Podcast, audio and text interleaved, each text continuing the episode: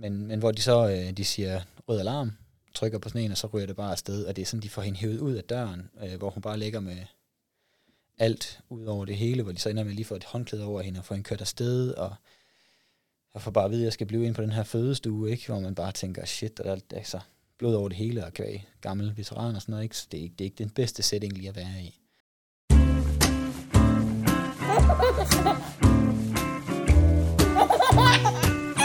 Det står der, far.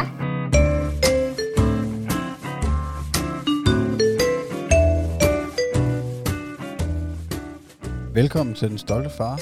Uh, mit navn er Magnus Hvid, og uh, præsidenten er her også, Niklas Ritter, og vi har fået uh, fint besøg hele vejen fra Jylland i dag af dig, Kasper fra Skanderborg. Mm.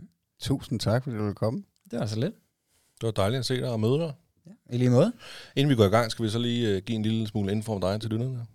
Ja. Fordi at, uh, du er 38 år gammel, og så, som Magnus sagde, så kommer du fra Skanderborg, og du arbejder til dagligt som fysioterapeut. Ja. Men så du øh, løber ultraløb og arrangerer ultraløb også. I Skanderborg, ja. Og så er du tidlig soldat, der har været udsendt. Yes. Men vigtigst af alt, så er du den stolte far til SIF på fem år, og Balder på tre år. Korrekt. Næsten tre år. Næsten tre år, ja. Så velkommen til dig. Tak. Hvordan kom det så vidt? Altså med at få børn? Oh, ja. Øh, jeg har sgu altid gerne vil have børn, for at være helt ærlig. Øhm, øh, min søster har tre tøser, der er den ældste er, skal jeg passe på, hun er 16, lige blevet 17, tror jeg faktisk. Jeg får hun lige fået kørekort. Øhm, og da jeg kom hjem fra min sidste udsendelse, der var hun gravid med sin den første. Og så, altså det der med børn var bare fantastisk. Jeg har altid elsket små børn. Øhm, så, øh, så for mig har det altid været det naturlige for mig at få, få børn på et eller andet tidspunkt. Jeg havde håbet på at få dem lidt før, men, øh, men jeg skulle lige have overtalt min, min kone, kone til det, og lige rende ind i hende på det rigtige tidspunkt, hvor vi begge to var klar. Vi har været sådan lidt on-off kærester siden 7. klasse, så... Okay. Ja. Og hun var ikke lige så klar til at få børn som dig? Øhm, nej, jeg tror faktisk, hun var mere, øhm, inden vi render ind i hinanden for, ja, det må være en 6-7 år siden nu, øhm, der var hun sådan lidt mere over i den her med, at jeg tror, hun var mere sat på, at hun måske skulle bare være, være stemor, eller papmor, eller hvad man nu vælger at kalde det. Øhm, også bare fordi den alder, vi ligesom var nået til lige knap 30 plus, at det her med at skulle finde en og finde ud af, om man kunne sammen og sådan noget, det var, øh, det var lidt, øh, det, hun, det virker lidt som en umulig opgave, synes hun, så vidt jeg kan forstå i hvert fald. Og så sparkede jeg jo døren ind og sagde, at øh, hvis hun gerne ville være sammen med mig, så skulle der børn på bordet, og det skal, der skulle ikke gå så lang tid. Den skulle hun lige tykke på til at starte med. Men øh, jeg tror, der tog et halvt år eller sådan noget, og så sparkede hun døren ind til soveværelsen en onsdag morgen klokken kvart over fem. Øh, jeg har lige fået skæld ud dagen før, fordi jeg jo havde, hun, havde øm, hun havde nogle ømme øh, punkter på kroppen, og det var åbenbart mig, der havde hævet for meget i dem. Okay. Øh, sorry. Men, øh, men øh, det skældte hun mig sindssygt meget ud over, og jeg siger, ah, tag lige en test. Og det testede hun så onsdag morgen, og så var hun så gravid, og det var bare fantastisk. Jeg boede stadigvæk i Aalborg, hun boede i Aarhus, og der var lige, der var lige lidt tryk på. Øhm, men der gik ni måneder, så fik vi SIF øh, nytårs, dagen før nytårsaften. Nå. Ja, ja. Øh, holdt nytårsaften på Horsens øh, fødegang med udsigt ud over havnen. Og Det kunne ikke være bedre, jo. det var sindssygt, ikke? Min kone lærer ammede der klokken 12, og jordmoren kom ind sådan meget stille, sådan, yay, uden øh, alt for meget, og vi fik lige en, et lille glas champagne, og lidt kranskab. Det var helt fantastisk. Bedste nytårsaften ever, altså. Og der har så været nogle vilde nogen imellem, ikke? Men øh, helt vildt. Hvordan, hvordan tog du hele sådan op til fødslen, og, eller hvordan reagerede du sådan, da hun... Du var jo bare inderst inde mega glad. Sindssygt. Jeg, var, jeg lagde halvt år jo. Ja, ja. Øhm, så jeg vælter sådan noget og tænkte sådan, ej, hvor er det bare dejligt. Og skulle ud og se den der test, og hun var fuldstændig panikslagen, fordi igen, vi boede hver for sig, jeg havde ikke kendt hinanden så længe, øh, på det punkt i hvert fald. Øh, men jeg var super klar, øh, og fik hende ligesom talt ned, at det skulle nok gå, og det skulle nok finde ud af, og alt sådan noget der. Men vi boede i en lille lejlighed i Aarhus, eller hun boede der. Så det første, jeg gjorde, det var egentlig bare at rykke min splitter op i, øh, i Aalborg, og så flyttede jeg ned til hende, fordi så kunne jeg være omkring hende. Øhm, og det, det, det fungerer sgu meget godt. Øh, jeg var lynhurtig til at finde alle de der apps, man sådan skulle have gang i, og fik øh, sådan en far-app, hvor man kunne lære lidt om, hvad og man skulle gøre som far og alt det der. Ikke? Det var, det synes det var forholdsvis nemt, og jeg, jeg tror også, jeg var klar til, til det. Det var selvfølgelig meget, øh, hvad hedder sådan noget, øh, jeg tror, det var, det var, det var uoverskueligt på mange punkter, fordi hun havde det med dårligt. Altså, hun kastede op fra morgen til aften, og det gjorde hun faktisk næsten i seks måneder, ikke? Hvor man sådan bare kæmpede for at få noget i hende. Øh, sådan en sjov historie, det er, at hun, jeg tror, hun var seks måneder henne, hvor hun skulle ned og møde sin veninde nede i byen, og så ringer hun til mig, at øh, hun havde ikke fået noget at spise, og jeg var nødt til simpelthen at komme ned med en leverpostejsmad, fordi at, øh, ellers så kastede hun op på gågaden i Aarhus. Øh, så jeg rendte i, i joggingbukser og bare, over med, bare mave i øh, maj måned. 500 meter ned igennem Aarhus med to leverpostejsmad i hånden for at give hende dem, ikke? Og det, ah, det var der være noget. Men, men det var øh, da gode point, du fik på bogen der. Så. Ja, ja, ja. Masser, jeg har masser af point. Ja, okay. jeg håber, hun hører det. Nej. Men, øh, men ej, jeg, jeg, jeg synes egentlig, jeg gjorde alt, hvad jeg kunne, også fordi jeg følte, jeg var klar, og hun var nok lidt mere, øh, jeg tror ikke, jeg pressede hende til det, men det var lidt mere, at hvis det var, så skulle vi have børn, og det, øh, det, det, jeg tror egentlig, hun er glad for det, og gerne ville det, og alt det der, men, men det var nok mest mig i starten, der gerne ville, så var jeg også ligesom nødt til at bare være 110% på, når det så endelig var. Så øh, vi fik bare sammen, og så tog vi til Aarhus, øh, jeg tog vi fra Aarhus til Skanderborg, hvor bor derude, øh, fik hus i december, hvor hun så føder den 30. december. Ja. Så det var en fantastisk tid, og klar, og vi er forberedt, og alt det der, man nu skal. Forberedte du dig meget, og sådan fødselsforberedelse og, og de der ting der? Øhm, ja og nej. Vi var med til sådan noget inde på øh, Skyby, der, mens, mens hun var, der var 3-4 måneder hen eller sådan noget, og ærligt, det var altså med noget værd lort. Øh, der sad sådan en eller anden sygeplejerske, som ikke virkede, som hun gad være der. Øh, Tegner fortalte lige hurtigt omkring, hvad man kunne forvente på Skyby. Øhm, og da vi, så, da vi så alligevel flyttede til Skanderborg, så blev vi overført til Horsens i stedet for, hvilket er en helt anden opsætning. Det er, Skyby er meget unge jordmødre, og de er pissedygtige, de der jordmødre. Hold kæft, de kan nogle ting, og der, der er slet ikke noget der. Men der er bare forskel på en jordmor, der har taget imod 10 børn, og en, der, hende vi fik, havde taget imod, hvad var det, 46, hun sagde, der, 4600, så stoppede hun med at tælle. Wow. Ikke? Altså, hun var... Hun havde, hun havde rynker overalt. Altså, det kan hun gøre i søvn jo. Ja, ja lige præcis, ikke? Hvor at det, var, det var pissegodt. Og vi ender så med at få en... Øh, hun, hun, det var en lidt lang fødsel. Øhm, eller lang øh, opgang til fødslen. Men øh, vi ender med at få sådan en, en, jordmor, der har været der i en 6-7 år eller sådan noget. Øh, Sofie. Fantastisk. Altså, virkelig, virkelig hjælpsom og meget... Vi hyggede os med det, og ja, altså dansede lidt til noget rockmusik og sådan noget i løbet af alt det der, hele den der seance der og sådan noget. Det var, det var en fantastisk oplevelse første gang, kan man sige, ikke? I dansede til rockmusik under? Ja, vi, havde, vi hørte, øh, de sagde noget med, at det var en god idé, fordi at vores datter havde ikke lagt sig sådan helt ned i bækkenet. Mm. Og de skal sådan helt ned, for man kan sige, når presvigerne så kommer i gang, så kan man ligesom arbejde med dem, ikke? Øhm, så hun har ikke lagt sig så langt ned, og så øhm, for ligesom at få dem ned, så kan man ryste, eller hvad man nu vælger at gøre. Der var vi oppe og stå og, og danse lidt til noget ACDC og noget Nå, sjov. Dire Straits og sådan noget. Ikke? Det, var, det var skide hyggeligt, ikke? og vi, det kørte egentlig meget, meget fint. Øhm, det gik lidt langsomt. Øhm, jeg tror, det tog 36 timer, fra, fra hun sådan, øh, gik i, øh, fik V'er til, der begyndte at ske noget, og hun blev sat i gang, fordi hun gik 12 dage over og sådan noget. Så det var... Det var en lang fødsel. 36 timer. Ja, det er fandme hårdt at sove på det der gulv derinde. Altså. ja, selvfølgelig ikke. Og du fik da lidt, du fik sovet lidt. Ah, lige et par timer tog jeg med det hele. De gav hende, øh, de gav hende noget, sådan noget øhm, jeg vil ikke sige V-dæmpende, men, men fordi hun, hun, hvis hun fik sådan noget V-stimulerende, så fik hun det V-storm i stedet for, så det bare kom, altså vi snakker hele tiden, hun ja. kunne slet ikke være i det, og, og det gjorde jo ondt og var ubehageligt for hende, ikke? Øhm, men, men så gav de hende sådan lidt, der dæmpede det lige lidt, så hun fik et par, par timer der om natten, før der sådan ligesom gik, gik i gang. Øhm, og min mor, hun, altså man kan sige, det sættes i gang med, at hun får nogle piller den 28. december, og den 29. december, sådan noget kvart over 11, halv 12, der kommer min mor vimsende sådan ud i haven og siger, gæt hvem der har vejer. Det var sgu nok ikke hende, der havde vejer, så jeg gætter på, det var min kone, der var i gang, ikke? Men øh, sådan det. Øhm, og vi kører ind på fødegangen. Jeg tænker, at den har været kvart over, kvart over seks om aftenen. Ikke? Altså, min kone insisterede jo på, at vi skulle have kaffe med naboerne, men hun gik der og sådan lige holdt ved kaffekanden og bordkanten og klemte sig en ved igennem og sådan noget. Hun er sådan lidt speciel på det punkt der. Øhm, pisse sej. Men, øh, men vi rører afsted derind, og, og jeg tror, vores, vores datter der, hun er født kvart over to øh, den 30. Yes, sådan et eller andet den dur. Så det var en, det var en lang, lang Og lang proces. Ja, det var det. det, var det. Men hun endte med at føde naturligt. Ja, der, der gjorde hun, ja. øh, og altså igen, mega sej. Øh, der kom sådan to læger ind øh, og siger, nå, ja, nå, hvis hun ikke er ude om kvarter, så, så tager vi med sugekoppen. Så tog fanden ned med ved hende, så skulle nu skulle barnet bare ud. Og det, Ah, kom, okay. det kom hun så ikke. Og det var en sindssygt fed oplevelse. Altså, det sygeste oplevelse, jeg nogensinde har haft. Tog du imod der? Øh, nej, jeg havde efter 36 timer, min kone var ved at træt. Altså, der var ikke meget energi, så det blev sådan en, øh, jeg stod op ved siden af hende på højre side, og så er det sådan den der, nå, øh, vi skal have en våd klud på panden mellem vejerne, og så lige lidt vand, og så skulle jeg lige tage ved øh, venstre ben og nakke, og så skulle jeg lige holde hende sammen, sådan, så hun kunne bruge det andet ben, så hun kunne få presset og sådan noget der, ikke? Så vi arbejdede sindssygt godt sammen den sidste time, halvanden der, øh, i det. Men det, det, var, det var en lang seance, kan man sige.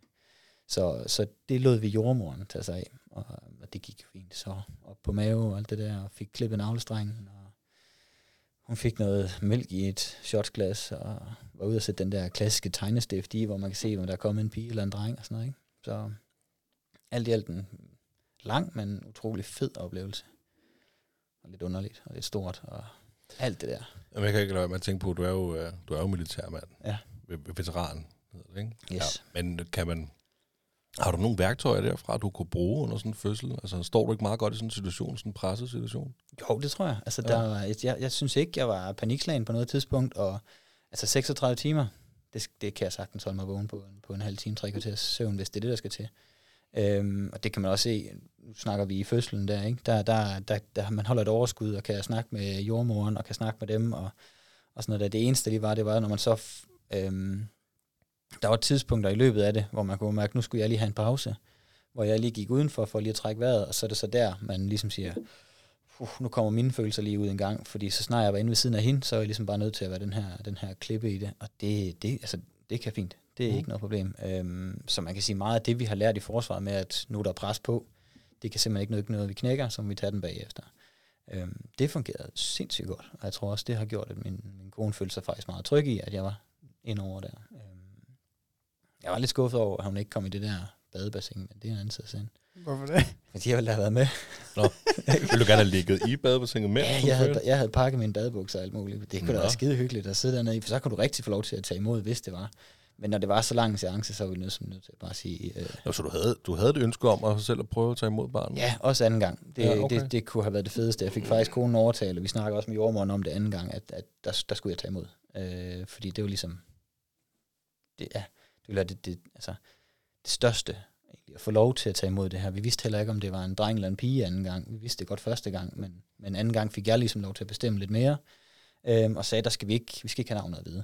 Og så den der på at forestille den følelse af at få det her barn ud, og så være den første, der ved, om det er en dreng eller en pige.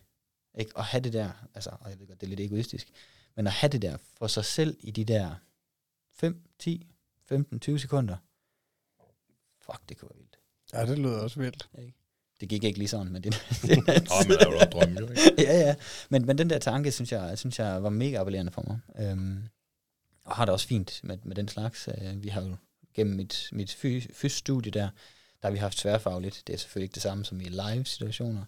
Men der var jeg sammen med nogle jordmøder og nogle sygeplejersker, hvor vi var bare lege med de her, øh, de har sådan nogle, sådan nogle underlivsdukker, hvor det er, er silikone, hvor man sådan kan stå med glidecreme og hvad fanden det er, så skubber man barn ud igennem sådan en figur, hvor man så står og tager imod dernede imellem. Det er sgu meget sjovt at prøve. Øh, Nå, og så står jordmoderne og skriger, som om en kvinde, der er ved at føde, og børnene, de skriger. Og så det er meget, det er meget sjovt. Det er fantastisk.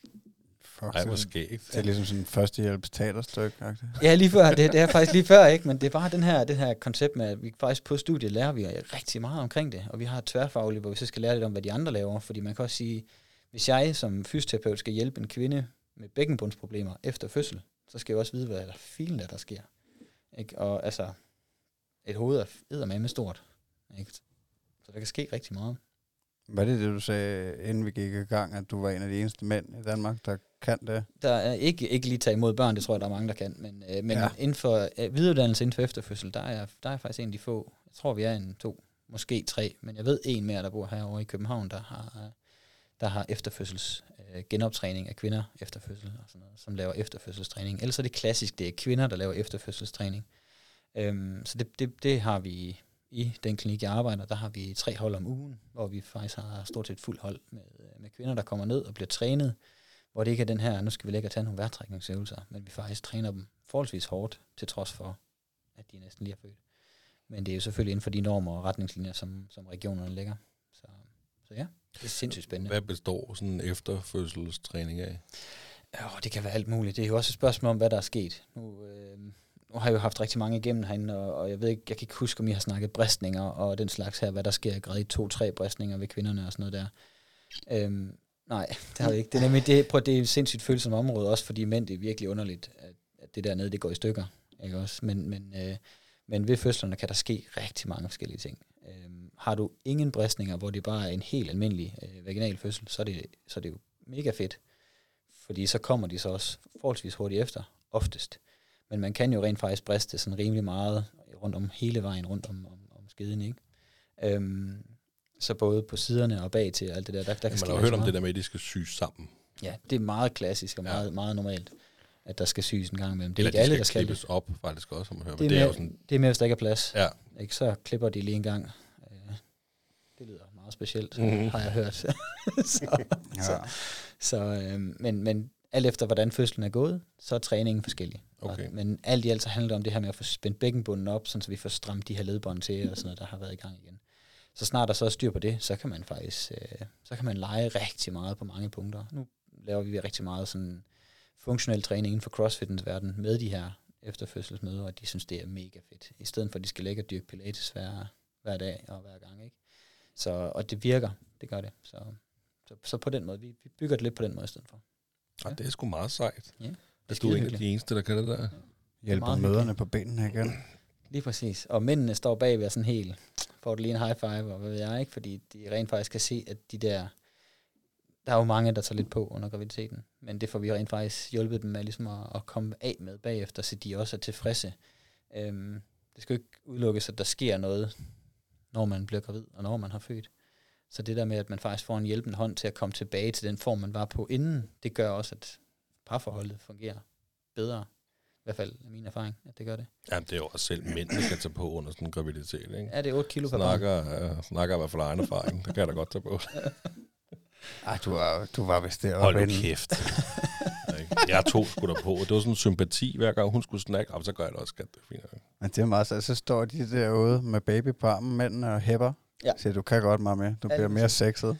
Vi har faktisk haft et par mænd, der kom med ind og sagde, "Ah, kan jeg, ikke, øh, kan jeg komme med på det der efterfødselstræning? Det er vel sådan noget stille og roligt noget. Det kommer bare. Nå, Så skal ja. de lige være lidt smarte, og så er de bare fuldstændig kørt over bagefter. Så, øh, så de kan også godt være der. Ja, Vi har, har faktisk et par fædre, der har været på barsel. Vi prøvede at lave sådan et fædrehold for fædre på barsel også, men, men det er bare svært, når de ikke er der i mere end hvad, en måned, halvanden. Oftest ikke. Jamen, det, det, er lidt, det er lidt sjovt, du, du nævner den, fordi det, det er også vores erfaring, øhm, at det er, lidt, det er lidt svært at stable det der fædre på øhm, fædregruppe på, Ja. på benene. Altså i Skanderborg har de, havde de på et tidspunkt sådan noget FIV-grupper i stedet for. Forældre iværksættergrupper. Øhm, og da vi fik vores den første, der var det i gang, og de kunne ikke helt finde ud af, om det skulle fortsætte eller ej, men, men så var det sådan noget, i stedet for det var, det var mødregrupper, så var det forældre. Ikke? Så vi havde børn og mor og far arbejde med ja. dernede. Ikke? Øhm, sådan så, at, at, at mændene var faktisk også med i det. Så lavede de mødergrupper ud fra den her FIV-gruppe. Øhm, og jeg prøvede, jeg var på der, jeg tog på barsel med vores den første. Øh, der tog jeg tre måneders barsel. Øhm, fordi hjemme ved os, der er det min kone, der tjener alle pengene. Øh, så er det en god idé, at jeg tog noget barsel, fordi det, det passede bedre, og jeg ville gerne. Øhm, men der var vi tre, tre eller fire gutter fra den der fædre gruppe der, der tog barsel samtidig. Ikke? Og så, så hyggede vi os og var inde og, og lavede alt muligt sjovt. Og børnene, de er jo lige omkring de der 6-7 måneder på der tidspunkt. Ikke? Så, så de kan lidt mere, ikke alverden, men de kan lidt mere, og kan holde sig lidt mere, og, og de behøver ikke nødvendigvis moren for mad og den slags der. Så det, øh, det men det, det, vi, vi var faktisk meget med min kone ved vores første, øh, ved vores første øh, fødte der. Der var, vi blev også til, det var i Greve Kommune, de, det var første hold i den kommune, der lavede sådan noget øh, forældregruppe. Ja. Og det var, det var sgu okay. Øh, og, og vi prøvede nemlig også øh, mændene imellem at, at, at mødes lidt. Det var ikke ret meget, vi fik mødt. Til gengæld så vi fået nogle super gode venner ud af det. Øhm, men det, det måske, det kan man sige, det er måske første step til at prøve at isolere mændene. Det er ved at tage begge hold. Altså eller både mor og, og, og far, ikke?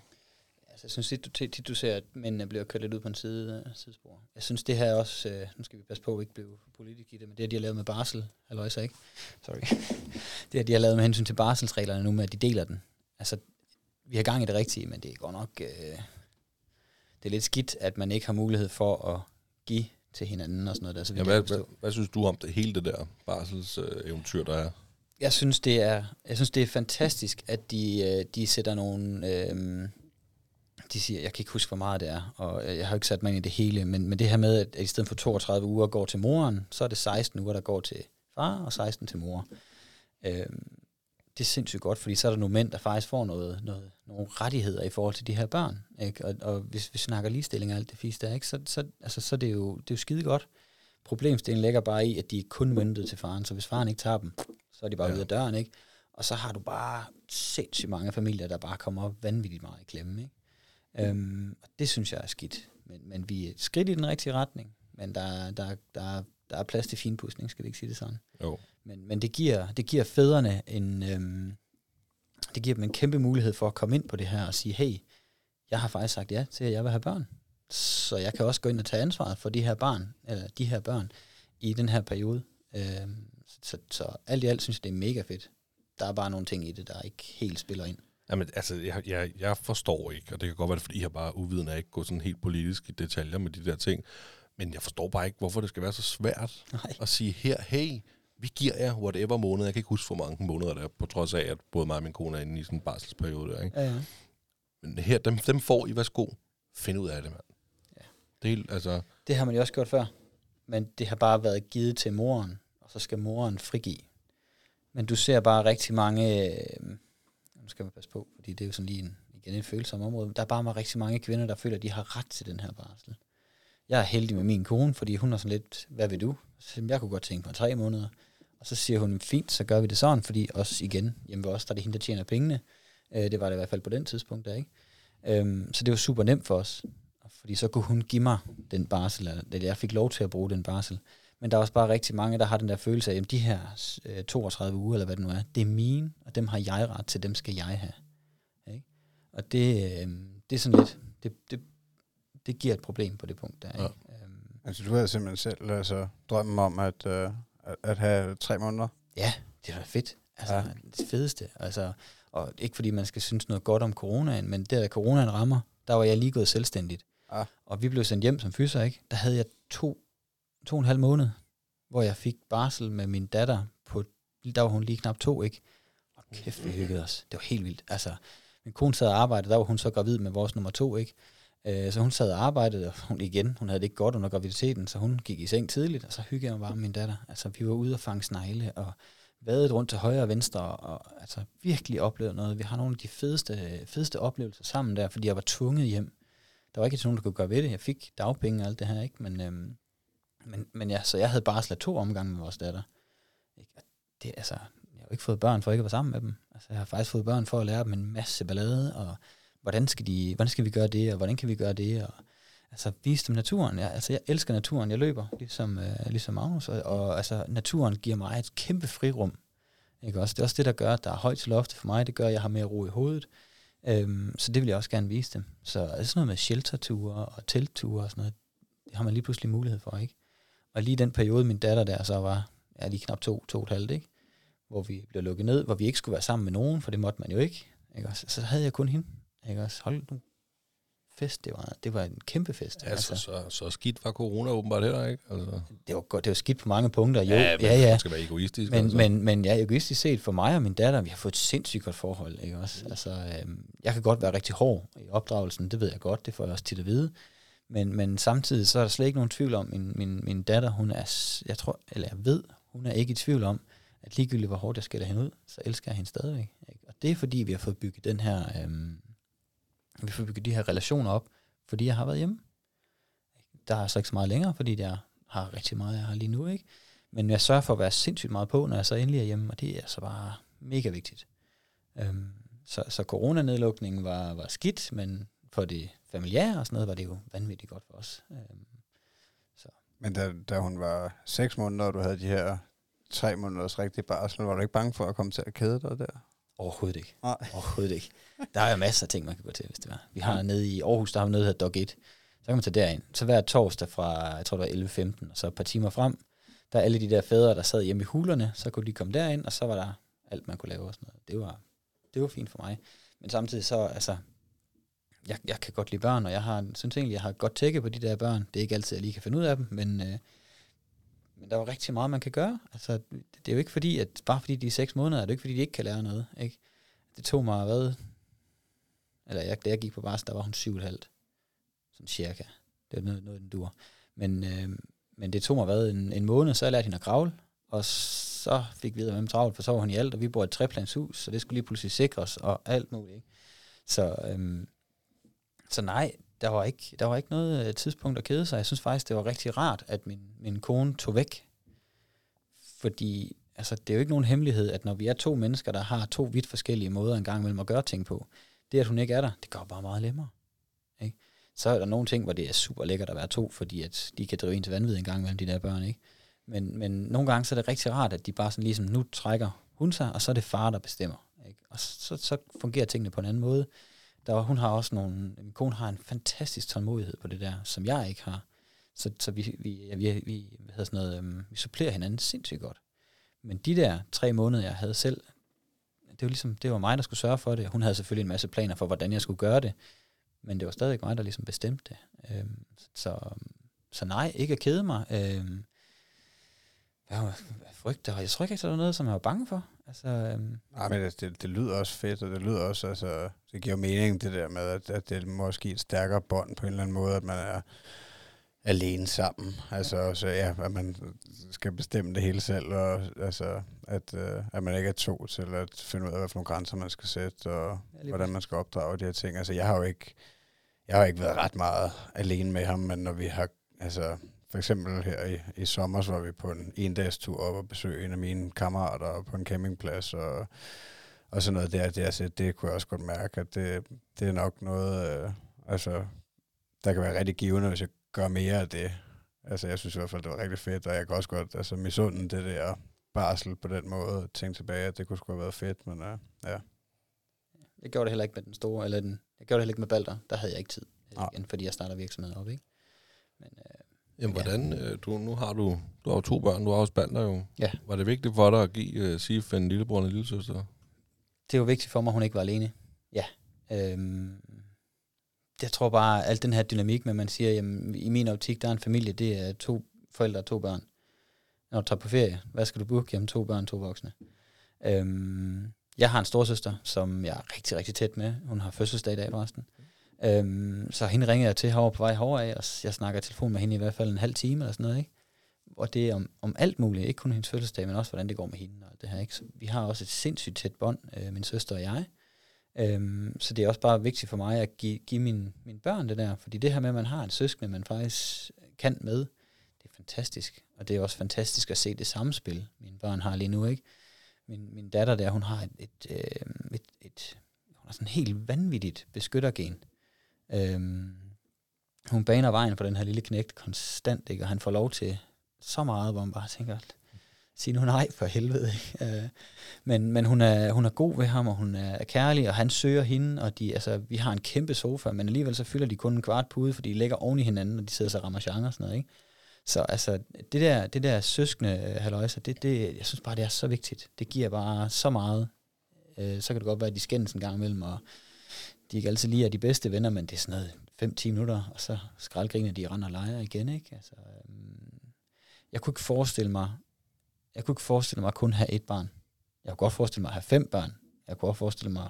Kunne du overskue det nu, når du har prøvet at have to et stykke tid? Overhovedet ikke.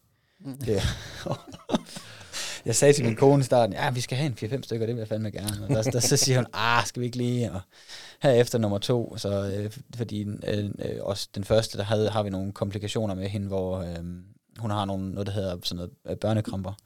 Så når hun begynder at græde, så kramper hun og stopper med at trække vejret, og, og så har vi været indlagt rigtig mange gange med hende med det, ikke? Øh, så det trak lidt tænder ud, men, men det kom vi så igennem igen, fordi vi har kendt hinanden så mange år, at det, det, vi arbejder med det, ikke? Øhm, anden gang her, det var en, øh, det var en, øh, for at sige det rent ud, det var sådan en rigtig lortefødsel. Sådan virkelig lortefødsel, ikke? Øhm, og så står vi og ser her, her nu, hvor man kan sige, Balder han bliver snart tre.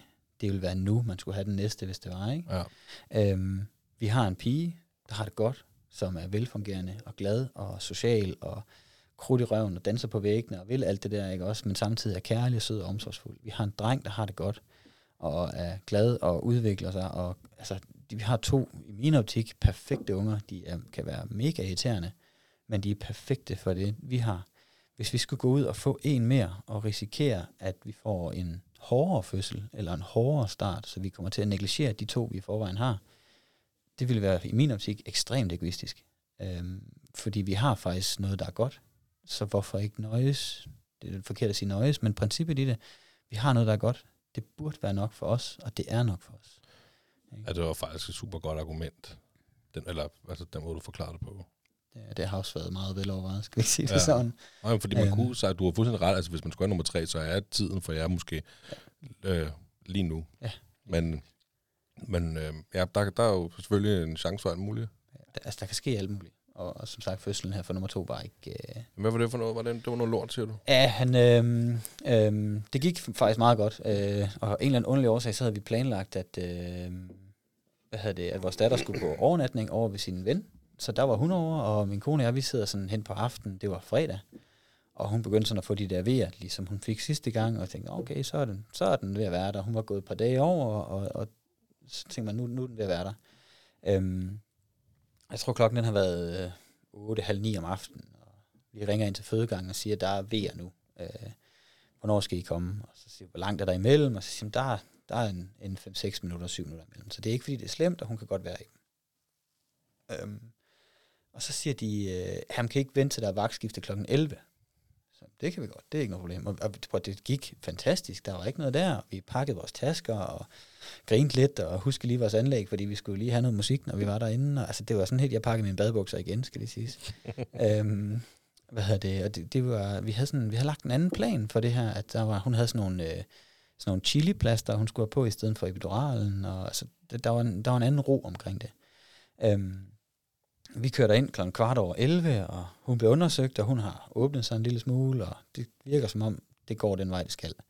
De var lidt i tvivl om, vi skulle ind, øh, så hun skulle lige ind og snakke med hendes, øh, øh, de der ledere, der er dernede, hende der jordmoren. Og da hun så kommer tilbage, så giver min kone sådan et, øh, sådan et, øh, sådan et urkvindebrøl fra sig, og står og krammer mig, sådan, så jeg er sådan helt, åh, okay, nu har hun ved mig.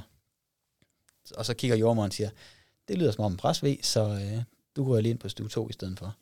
Og vi kommer derind, og, øh, og det, det, går egentlig, øh, det går egentlig okay. Øh, igen, vi er oppe og stå og danse sammen, og griner lidt, og hun finder ud af, at hun gerne vil over i det her badekar, så vi får fyldt vand i der, og jeg var sådan, tænkte, jeg kunne ikke finde mine badebukser. Det var så nok også godt nok, men det er en anden side af sagen. Øhm, men det går egentlig meget fint, indtil, jeg tror klokken den er fem, eller sådan noget, halv fem, fem, hvor at, at det begynder at gå skævt, og der sker ikke rigtig noget. Øh, hver eneste gang hun får en presvæg, så falder Balders værdier, sådan, altså det styrtdykker bare, og så snart presvægen er væk, så kommer de op igen.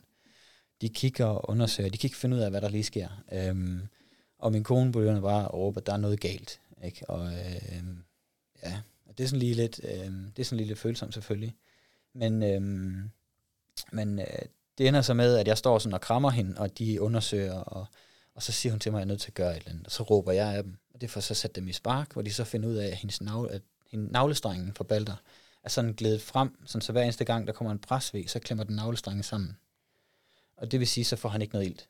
Ikke? Og det er ikke skide godt, når man skal arbejde. Øhm, så det bliver sådan en... Øh, der, på det tidspunkt så er der, der er blod rigtig mange steder, fordi der, jo, der sker jo noget, de er op og få testet og få undersøgt og sådan noget. Ikke? Så jeg har noget blod på mig, og jeg tror, jeg har noget blod i håret og lidt af hvert. Øhm, men, men hvor de så øh, de siger rød alarm, trykker på sådan en, og så ryger det bare afsted, og det er sådan, de får hende hævet ud af døren, øh, hvor hun bare ligger med alt ud over det hele, hvor de så ender med lige få et håndklæde over hende og få hende kørt afsted, og jeg får bare at vide, at jeg skal blive ind på den her fødestue, ikke? hvor man bare tænker, shit, og der er altså, blod over det hele, og kvæg, gammel veteran og sådan noget, ikke? så det er, ikke, det er ikke den bedste setting lige at være i. Øhm, og det var her, vi havde planlagt, at jeg skulle tage imod. Det fik jeg så heller ikke lov til, selvfølgelig. Ikke? Øhm, men der går ja, inde i mit hoved og i min krop, der tror jeg, det føles det som timevis. Ikke? Men, men når man sådan kigger på uret, jeg når lige at få ringet til mine forældre og siger, hey, I skal komme, og I skal komme nu. Øhm, og de står så op, og der er klokken, den er, jeg tror, den er kvart over fem, halv seks om morgenen. Øhm, de kører ned til os, og jeg går rundt ind på den her stue, i hvad der føles som evigheder, og så, øh, så, så kan jeg høre ud på gangen, at de siger, øh, siger øh, jeg skal lige have korrekt øh, Poulsen, og øh, Poulsen, dreng, øh, og så CPR-nummeret, ikke? og det var så sådan, jeg fandt ud af, at jeg havde fået en dreng. Sindssygt, sindssygt vildt. Øh, men han havde det, han havde det lidt, lidt stramt, skal vi ikke sige det sådan. Øh, Jamen, altså, altså, det ender i akut kejsersnit. ja, det gør det. Ekstremt akut. Og du nåede ikke ind på stuen? Jeg, jeg, måtte, jeg måtte ikke, Og du komme, måtte ikke komme. Jeg måtte slet ikke komme med. Det, det, Nej. det gik rigtig stærkt. Fra de trykker alarmen til han er ude, der går der 13,5 minutter, der har de flyttet hende lige omkring 200 meter. Ja. Og fået hende i total narkose, og det går stærkt. Det går rigtig stærkt. Men han havde lidt svært ved at trække vejret, og øh, hende her jordmoren kommer ind og siger, at han er deroppe, og du skal for- bare lige forvente, det her det du forventer, der sidder dioder overalt på ham, og de står og giver ham noget ilt. Og, men men øh, din kone har det okay, det går lidt stærkt. Balder har det okay, der er nogle ting, vi skal snakke om, men, øh, eller de vidste ikke, han hed Balder. Øh, men din dreng har det okay, der er lige nogle ting, vi skal snakke om, men vil du op og se ham? Altså, selvfølgelig vil man det ikke. Øhm, så jeg rører derover og får sådan en dragt på med, det har I garanteret prøvet, når I har et kejsersnit. Øhm, og kommer ind, og der ligger han så ved at få noget ilt, øh, hvor han så har de der tre kvarter efter, det er sådan cirka der, jeg kommer derhen, der han, han, han kan ikke trække vejret selv. Øh, han vil ikke, han, at han er træt og udkørt. Og det giver ikke nogen mening i de her jordmors og lægers øjne, hvorfor han er så udkørt. Øhm, så det kan vi ikke forklare. Og så er der sådan noget med noget pH-værdi i blodet. Den lagde sådan lige på nippet til, til de syv, hvor at under syv, så skal man, så skal man, øh, så har man haft iltmangel under fødslen. Og, og, og han lægger sådan lige på nippet af det. Så, øh, så de beslutter sig for, at hvad vi lige skal gøre, og de siger sådan, skal vi, skal vi gøre det, der skal til for at beskytte hans hjerne? Og selvfølgelig skal vi det. Så, øh, så vi rører afsted, Balder og jeg rører afsted i, øh, i ambulancen, hvor han rører sådan en kølepakning, hvor de køler ham ned, sådan så hans kernetemperatur er nede omkring de 31. Og så rører vi afsted til Skyby, hvor det er så første gang, der falder jeg så i søvn i, i hvad hedder det, ambulancen fra Skyby, så der får jeg lige en halv time. Øh, øh, og så kom vi derind, og han blev installeret på den her stue, hvor vi også var indlagt med vores datter. Det gjorde lidt ondt også. Øhm, min kone ligger stadigvæk i Horsens. Øhm, og blev så fragtet op, og så får jeg at vide, at hun er kommet nu. Der dagen efter var ligesom, jeg havde fået lidt ro på, og havde genslået lidt den her, øh, den her soldater jern til. Det her, det skal fungere, vi skal arbejde, og så må vi tage det hele bagefter. Øhm, og det, det fungerede for mig, indtaget, og jeg fandt ud af, hvor min kone hun var. Fik nogen til at holde øje med, med Balder, og så gik jeg over og fandt hende, hvor hun så var sådan stuet op i et hjørne og med en skærm omkring, og fik hørt hende om okay, og fik forklaret hendes situation, hvad der var sket med vores søn, og, og alt det her, ikke? Øhm, og vi kom, hun kommer med over på stuen, og hun er selvfølgelig lidt, hun er selvfølgelig lidt rart, fordi det var ikke, det var ikke lige sådan, vi havde forventet, det skulle være. Øhm, så så så det, altså, det var en hård omgang, det var det, men, men det gik jo fint, kan man sige, ikke? Men, øh, men Men, Ja. Ja. men, altså, jeg ved godt, du siger, at det gik jo fint, ikke? men i situationen, man er så uviden. fuldstændig Altså- herrens mark. Jeg tænker et eller andet sted, hvis du siger, at du har gået i, i, i soldatermode der, det må Ja. ja. da have været... Ja, altså, det, det var en god ting, du kunne det i den situation. Ja, der, har været, der, var, der var pres på. Ja. Ja. Det er det. Øhm, jeg valgte også helt automatisk, øhm, og da vi kom hjem, så, øh, så valgte jeg helt automatisk bare at ringe til psykologen og sige, hey, jeg har lige lidt, der skal, der skal debriefes. Og, og to, jeg tror, jeg havde noget 10 sessioner eller sådan noget ved en, til en psykolog, og så var der styr på det, eller hvad man skal sige. Ikke? Men, øh, men jo, det var, en, det, var en, det var en hård omgang, og det var sgu ikke sjovt, men, men resultatet af det er jo fantastisk, og det, Ja, ja, ja, det er det, det er man skal fokusere på. Ikke? Kig tilbage Øhm, på det. ja. Altså, jeg, jeg, jeg kunne mærke, øh, du sendte mig lige tilbage til... Øh, jeg blev faktisk en lille smule rørt, så jeg, øh, fordi at øh, min første fødte, det var også akut gejsnit. Ja. Og når du sagde det der med rød lampe og sådan noget, jeg kan tydeligt huske det. Altså, det, det vildeste. Altså, Super behagelig følelse. virkelig. Og det går så stærkt. Og, og nu ved jeg godt, du, du kom jo endnu videre med din søn og, og så videre. Ja. Ikke? Men hele det der. Altså, hold nu kæft, mand. Det, Det sætter gang i noget, ikke? ja. Ja. Men det er, at de sparker døren op, og hun skal over og have foretaget det kejsersnit, og du bliver forladt på den stue der. Der forsvinder soldatermåden, ikke der? Og der, Og der, der, der bliver fyldt med angst. Og Ja, men den gik, lidt i, øh, den gik sådan lidt i en pragmatisk øh, tankegang, for at være helt ærlig. Fordi, okay, vi skal derover, så har man sådan det, okay, akut kejsersnit, det betyder det her, det betyder sådan her, og med det kommer til at være sådan her. Øhm, der er risiko for nogle forskellige ting. Vi kommer ikke til at kunne komme hjem og hente vores datter. Og så var det bare, okay, hvad skal jeg have fat i? Og det første, jeg altid tænker, det er min mor og min far. Mm. Øhm, og de, er, de har altid været der. Øhm, og lige på den her, der ringer jeg til dem, og så ja, fik jeg dem hævet op, og de har jo været til at hente med at bringe min søster og jeg om lort om natten. Ikke? Øhm, så, så det er fint nok, de kører ned, og de henter, dem, henter så Sif over ved, ved den her lejeaftale og fortæller Sif, du har fået en lillebror, men han har lige brug for, og han skal lige, og, og alt sådan noget. Ikke? Ja, for man har jo også, øh, helt, altså under hele din historie, jeg glemte fuldstændig, at Sif også er en del af ligningen jo. Altså, du har jo også en datter derhjemme, ikke? Som man bare er nødt til også at forholde sig til. Ikke? Ja. ja. Men, men vi, har, vi har en fantastisk netværk omkring vores familie. Ja. Min mor, hun er jo fandme mere hønemor end alle de andre. Ikke? Øhm, så, så, så det tog hun, og det klarede hun. Min far arbejder stadigvæk, og min mor arbejder stadigvæk, men hun er sådan, skal, hun arbejder sådan noget 5 2 agtigt så hun har fem fridage, to øh, arbejdsdage, men hun, øh, hun, hun tog nogle dage fri, sådan så hun kunne være nede vores datter, og de havde det rigtig hyggeligt. Mm. Altså, de sov jo længe, og alt det der. Så, hvordan, hvordan, øh, hvordan tog Sif så at møde sin lillebror? Jeg har det på video. Ja. Jeg har det på video, både udefra og indenfra. Min mor filmer indenfra vores, øh, vores gang af, og, og min kone filmer udefra. Det er sådan helt, altså hun kan slet ikke, man kan sådan se hele den der, den der lille krop der. Hun har jo, der på det tidspunkt her, der er hun to år og 11 måneder og sådan noget, ikke? Altså hun kunne slet ikke stå stille, den her, uh, her, og, og, og jamen, det er det, det bedste valg, vi gjorde det, det var at skrive til min mor, film det lige indenfra, for vi gør det udenfor, ikke? Og vi har sådan en trappetrin med fire trin ned, hvor at øh, min kone går hen, og man kan sådan høre hun sådan, ah, mor, og helt vildt, og så ser hun mig, og jeg er selvfølgelig yndlings. Øhm, så hun er godt, altså man kan høre det, hun er sådan helt, ah, nu kommer far, ikke? Og så ser hun den her lille, øhm, den, der, den der autostol, ikke? Og så, uh, altså, og hun havde jo en bamse, han også lige skulle have, og den her lille rev, og, og han vil gerne lege med mig, og vi skal ind, og han, hun skal sidde med ham, og han har sådan en, en sonde i, i maven, fordi han skal have noget at spise og sådan noget, ikke? Øhm, så det spørger hun lidt til, og nusse, nusse og sådan noget. Det er, den, prøver, den video der, den, er, den får hun lov til at se sin konfirmation. Det bliver skide godt. Ja. Det er helt vildt. Hvordan havde du det? Altså, for jeg kan jo, jeg tudbrølet, da Eddie, han skulle se Elliot. Altså, min store dreng skulle se den mindste. Altså, jeg græder jo hele tiden. Ja, ja, okay. ikke så meget der. så, så, jamen, så er vi to. Ja, men, men, prøv at have lige så meget kriger, man kan være, lige ja. så følsom skal man være, ikke? Men, men jeg synes bare, det, det er... Det, det, det, jeg synes, det er tit, ikke kun lige den her situation, men nu har du også to, den her, når man ser dem have det her samspil, hvor man bare kan se, det, det er bare ren kærlighed. Altså det er ikke sådan en påtaget kærlighed, mm. det er rent. Der er sgu ikke, der er ikke noget, der er ikke noget, noget, noget, de skal gøre, eller noget, man siger, det, det er det her, der er, der er normalen for dig at gøre, for at vise, at du er din storsøster eller storebror, ikke? Men den her, den her rendyrkede glæde, du kan mærke, den kommer sådan helt ned fra maven på dem, ikke? Du kan jo bare sluge det der råt, og så kan du leve på det i flere uger, ikke? Altså, det er jo fantastisk. Jamen, altså, jeg kan, jeg kan mærke, at jeg glæder mig helt til, til de bliver lidt større, fordi min, den yngste, han er kun et halvt år, ja. ikke? og han kan jo ikke ret meget, men han, altså, når Eddie går ind i et rum, det er sådan en stor dreng, ikke? så fanger Elliot det lige med det samme, og han er bare stjernen, det er. Eddie. Ikke? Og Eddie, han er begyndt at fange Elliot sindssygt meget i form af, at han vil, han vil lege med ham, hive ham, kom, skal lave det her lille prøv, han vil have ham på maven, og alle de her ting, ikke? Men, du ved, rolig nu, pas lige på, skal ikke? Det, det, det, han kan jo ikke helt noget endnu, og man kan bare se, og Eddie, han glæder sig til, at lillebror, han kan... Spille fodbold, ikke? Ja, ja, det er ja, ja. ja. Ej, det, det, er, det er fantastisk, at man kan sige, de går ikke i stykker, de der børn.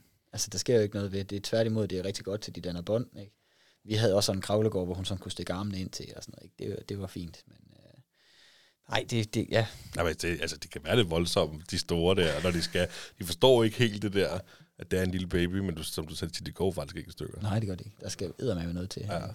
Men, øh, men ej, det, ja, det bliver godt. Men tog det ikke lang tid at komme hjem med Balder der med, at I skulle på Skype og have oh, tjekket jeg, hjernen? Og jeg, kunne ikke, jeg kan ikke huske hele, hele øh, tidslinjen, for at være helt ærlig, fordi det er meget øh, sådan, ikke, øhm, øh, min kone er ikke så, øh, så velbevaret, eller vel, øh, sådan, hvad sådan noget, øh, jeg er inden for sundhedsvæsenet, så jeg ved, hvordan tingene foregår. Det er min kone ikke. Øhm, så jeg var meget ops på, at jeg skulle være, være den pragmatiske igen, hvor hun kunne så være den følsomme, og så må vi tage det på en anden tidspunkt. Ikke? Øhm, så der var rigtig mange tests. Der var rigtig mange ting, der skulle køres igennem. Det var, jeg tror, han det var 72 timer, hvor han lå i den her, det her køle element, den her køle vest, hvor han var kølet ned. Øh, Hvorfor skal han køles ned? Det, øhm, det er for at beskytte hjernen, fordi hvis han har haft iltmangel, og man så køler hjernen ned, så den når at udvikle sig. Hvis vi nu siger, at der har været en eller anden kraftig hjerneblødning, eller iltmangel, som gør, at hjernen har taget skade, så er i starten af hjernens væv meget spastisk. Ikke spastisk, sådan, som i kramper, men det, kan, det har en utrolig blødgørende effekt, sådan så man kan sige, at den kan udvikle sig og nå at helbrede det, den skade, der måske er sket. Derfor køler man kroppen ned, og så kan hjernen få lov til at få noget ro til at komme sig i stedet for at man går ind og stimulerer den helt vildt, ligesom med, med telefoner og skærme og alt det her. Ikke? Øhm, så når man så køler ham ned, så er der stor sandsynlighed for, eller større sandsynlighed for, at der ikke er en eller anden følgeskade. Øhm, og da han lå sådan lige på nippet til det her, det her iltmangel, så, øh, så vælger de at sige, "Mm, skal vi ikke gøre det for en sikkerheds skyld? Og selvfølgelig er det jo altid livrem og seler. Det er vores øh, kæreste. Ja, det er klart. Øhm, så, så der sag, tog jeg en melding, uden min kone egentlig vidste det dengang også jo, ikke også? Men, men jeg tror, det er 72 timer, hvor de har ham helt nedkølet, og så varmer de ham stille og roligt op over, over nogle, nogle timer, hvor det er sådan det her vand, der kører igennem. Det er sådan en hvid vest, ligesom sådan en, øh, en stor øh, natdragt, de lægger i, som dækker ben og arme og sådan helt op omkring halsen og sådan noget. Det er ikke særlig sjovt at mærke, når de er kolde. De skal jo gerne være nogle dejlige varme børn, ikke? Men kan man så ikke, altså, kan du ikke have ham op og sådan noget, og ligger han... Han, han, Bare han, han lagde en kuvøse. Sif måtte vi ikke røre ved, røre ved, fordi hun havde de her kramper. Så der skulle de have sådan nogle ja, nåle ned i kraniet for at, at, finde ud af, hvad der skete, når hun fik dem og sådan noget. Så det er en helt anden situation. Øh, Men hun havde også den der vest på for at beskytte hjernen og sådan noget. Ikke? Så det var noget værre noget. Det var derfor, Det, mener, det har jeg aldrig hørt om, faktisk. det, jeg har nogle billeder, I kan se bagefter Ja. også. og Sådan noget. Det, det, er, det, det er meget ubehageligt, for at være helt ærlig, fordi det der med det, det man, det der inde i en, den der, den der, øh, det der fædre øh, beskytter, ikke også, det har jo bare lyst til at tage ham ind, og så pakke ham ind under din jakke, og så skal han bare være der, fordi så skal jeg nok passe på ham. Øhm, og det, det skal man virkelig skubbe under, det her beskytter, og så lige bakke af og sige, godt, hvad, hvad gør vi lige her, ikke? Øhm, men det er jo så der, hvor jeg er sådan rimelig øh, velbevandret i, i lægeverdenen, og det der jeg har, alt det der, de snakker om, han skulle have været alt muligt. Det kunne jeg jo sidde og læse de der skrift, tidsskrifter på, fordi så slår jeg mine følelser fra, og så, så tager vi den pragmatiske del, og så kan jeg ligesom bare være i det, fordi så, så må jeg håndtere mine følelser senere. Øhm, og det er den her soldater mentalitet, der kører i det, ikke? Og så kunne min kone være følsom, og så kunne jeg være, være den, den, den lidt hårde, og den der fulgte med i, hvad der skete og sådan noget, ikke? Men, men der er bare rigtig meget, også nu kender I med, med kejsersnit og med fødsler generelt, så der sker noget også, når børnene de bliver født, at når, så scanner man lige ned oven i, øh, i kraniet for at se, om der er sket noget. Ikke? Og det vi står ved på vej ud af døren efter en 3-4 dage, der kommer en læge ind og siger, ja, ja, nu har vi jo fået scanningen tilbage, og så, og så siger min kone, nå, hvad så? Ja, den viser jo en, en hjerneblødning. Og så kan du bare se, at min kones verden bare siger, så falder hun sammen og synes bare, nu er ikke, og jeg sådan, de siger, åh, oh, stop lige en gang. Er det ikke meget normalt, at der er en hjerneblødning, når man bliver født? Jo, jo, jo, jeg forventer, at deres lille dreng Ej, kommer er så det 100 procent, ikke? Det er tavligt. Det er sindssygt. Ham har jeg også haft et par gange med. Ja. Øh, men, men han er en sindssygt dygtig læge. Men dem, der bare er så kloge, de er også typisk, mangler de noget, øh, ja. noget menneskelighed, ikke? Øhm, Ja, eller forståelse for, at andre ikke Ja, lige forstår, præcis. hvad de snakker om. Lige præcis. Ja. Den, den, den læge, vi snakker om her, har også fået en, øh, en øh, sygeplejerske med sig hele tiden. Sådan så hun kan oversætte det til forældrene, ikke? Men øh, sådan er det jo. Ja. Øhm, men, øh, men, men så, så jeg var nødt til at tage mig af den del, og så, og så der. Men det var en, en lille uge, tror jeg, hvor at, øh, at min mor var derhjemme og passede min datter, eller vores datter. Øhm, og det så, hun er jo farmors pige, så det vindede. Så det var jo bare dejligt. De legede vuggestue og gjorde klar, og man kan virkelig, da vi kom hjem, kunne man virkelig se, at de har sådan forberedt sig på, at nu kommer en lillebror hjem. Ikke? Og, og min mor var, har været rigtig god til ligesom at, øh, den her pædagogiske del med at forklare min datter, hvad er det, der sker? Hvad kan du forvente, når du kommer hjem? Ikke? Øh, anden dagen, vi var derinde, der kørte jeg hjem for at se min datter. Det var med mig hårdt. Det der med at komme hjem til hende, og hun havde savnet hende, og man skulle sådan lige lillebror har det godt, men vi vidste det faktisk ikke endnu. Eller, og det her med sådan at føle, at man skulle lyve lidt for hende, uden egentlig at lyve, men ja, det var sådan, det var sådan en meget ubehagelig oplevelse, ikke? Øhm, og jeg tror, det var på tredje dagen, der kørte min kone så hjem øh, og skulle snakke med, med hende sådan ligesom for at sige, hey, jeg har det også godt, og, og alt det der, ikke? Men, øhm, men det, det er sådan en, man står sådan lidt i sådan en limbo-agtig, ikke? Indtil vi fik den der all clear, han har det godt, hjem med jer, og så kom hjem og så mærke den her, som vi lige snakkede om, den der, den der, den der helt rendyrkede glæde, hvor at man bare kan se sådan en lille krop, der der bare, at det, det er helt vildt. Det, det, hun, kan slet ikke, hun kan slet ikke så stille, og det er hele vejen ind, og hendes stemme går op i et helt andet leje, fordi uh, uh, ikke, og hun skal have bamser ind, og over at sidde på sofaen, og han vil gerne lege med mig, og det var sådan, ah, han, han vil gerne altså ikke endnu, men, men øhm, Jo, han vil. Ja, ja, lige præcis. Det bestemmer jeg. Ikke? Men, øh, men bare sådan, hvordan hun hurtigt adopterede det her med, jamen han kan ikke så meget, men jeg kan stadigvæk lægge og kilde ham lidt. Sådan, hun var meget forsigtig og meget sød og meget kærlig. Og det der, altså, det var, det var helt, helt fantastisk at opleve. Så Hvad, hvad, um, bare lige et hurtigt spørgsmål. Hvad, hvad synes du er størst? At blive far for en gang, eller din øh, datter blive storsøster? det ved jeg sgu ikke. Det er ikke, det her. Jeg spørger kun selv, fordi jeg selv Ja. meget sådan, har tænkt over det. Jeg tænkt, den er svær. jeg synes, ja, det, var, det var meget større for mig at se Eddie blive storbror, end jeg faktisk skulle blive far igen. Ja, ja, hvis man sådan tænker over det, så giver det ret. Jeg tror, at den her, den der, altså, at se hendes glæde over, at vi har givet hende noget, som kommer til at holde hele livet for hende. Fordi for, he, for hende Ja. ja. er det første gang, Ja. ja. for dig er det anden gang. Ja. Ja. Ikke, altså ikke fordi de begge to er lige vigtige, der er slet ikke noget der, men det var bare sådan noget, jeg selv tænkte meget over, og det kan godt være, det er åndssvagt, men Ja. Altså, det lyder også vildt, når du fortæller om den der instinktive kærlighed, er Kasper. Altså, det det, det, lyder virkelig, der får jeg også lyst til at, uh, at lave et barn mere, men uh, det kan godt være svært at tvinge hende. Så ja, ja, det begynder at blive du har grimt. fået ikke? nogle råd øh, hvordan øh, Med hensyn til tvang og hvad man gør. Ja, ja, ja. Ja. Det overtagelse virker hele vejen, ja. Ja. Men ej, det, øhm, ja, det, jeg tror ærligt, det der med, at man har, man har givet dem noget, så, så rendyrker det ikke. Og, og, så man kan også se den måde, de er på sammen nu, ikke? Altså, de, kan, de, altså, de leger jo sammen, kan bruge flere timer, og det er flere gange, hvis sådan sidder min kone og jeg sidder, og vi startede med, med på at få en fredagsvin. Ikke? Det er jo helt vildt. Ikke? med, hvad siger fredagsvin? fredagsvin, som, ja. I, som I, vi knapper en flaske vin op, kan sidde ved bordet, spise vores aftensmad, ungerne ser det der fredagstamtam, ikke?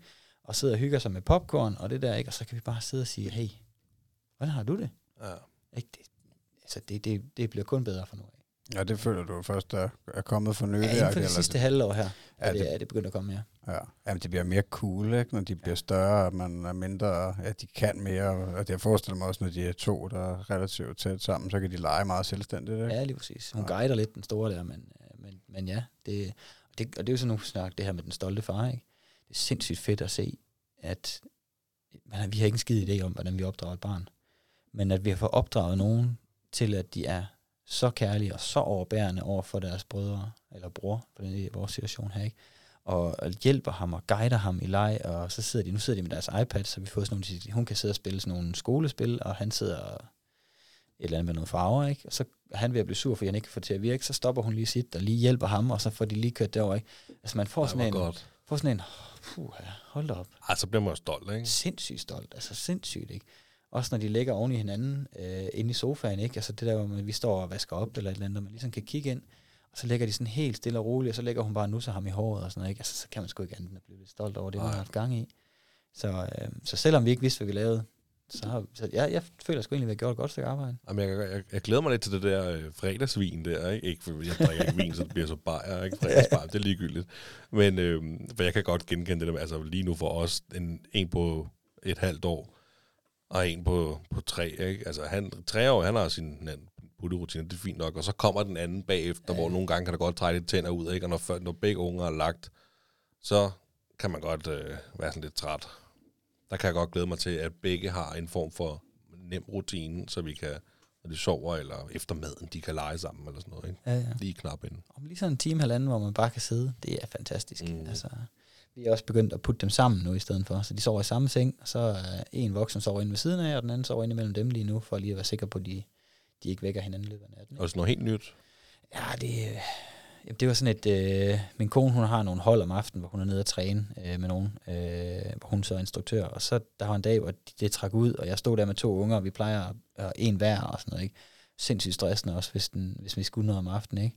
Og så tænker jeg, ved du hvad, nu prøver jeg fandme bare, ikke? Så siger jeg, hvad, skal vi ikke lige krølle ind i siftseng og sove, ikke? Så, og det ville de så gerne, og så gik der en halv time, så sov de begge to, og jeg var sådan helt, okay, hvad sker der? Det har vi så gjort siden, og det er, jeg vil sige et halvt år siden vi startede det, og, og det fungerer bare. Så har jeg har putningen, den har jeg mandag og onsdag, og så finder vi det ud af weekenden, og min kone har tirsdag og torsdag.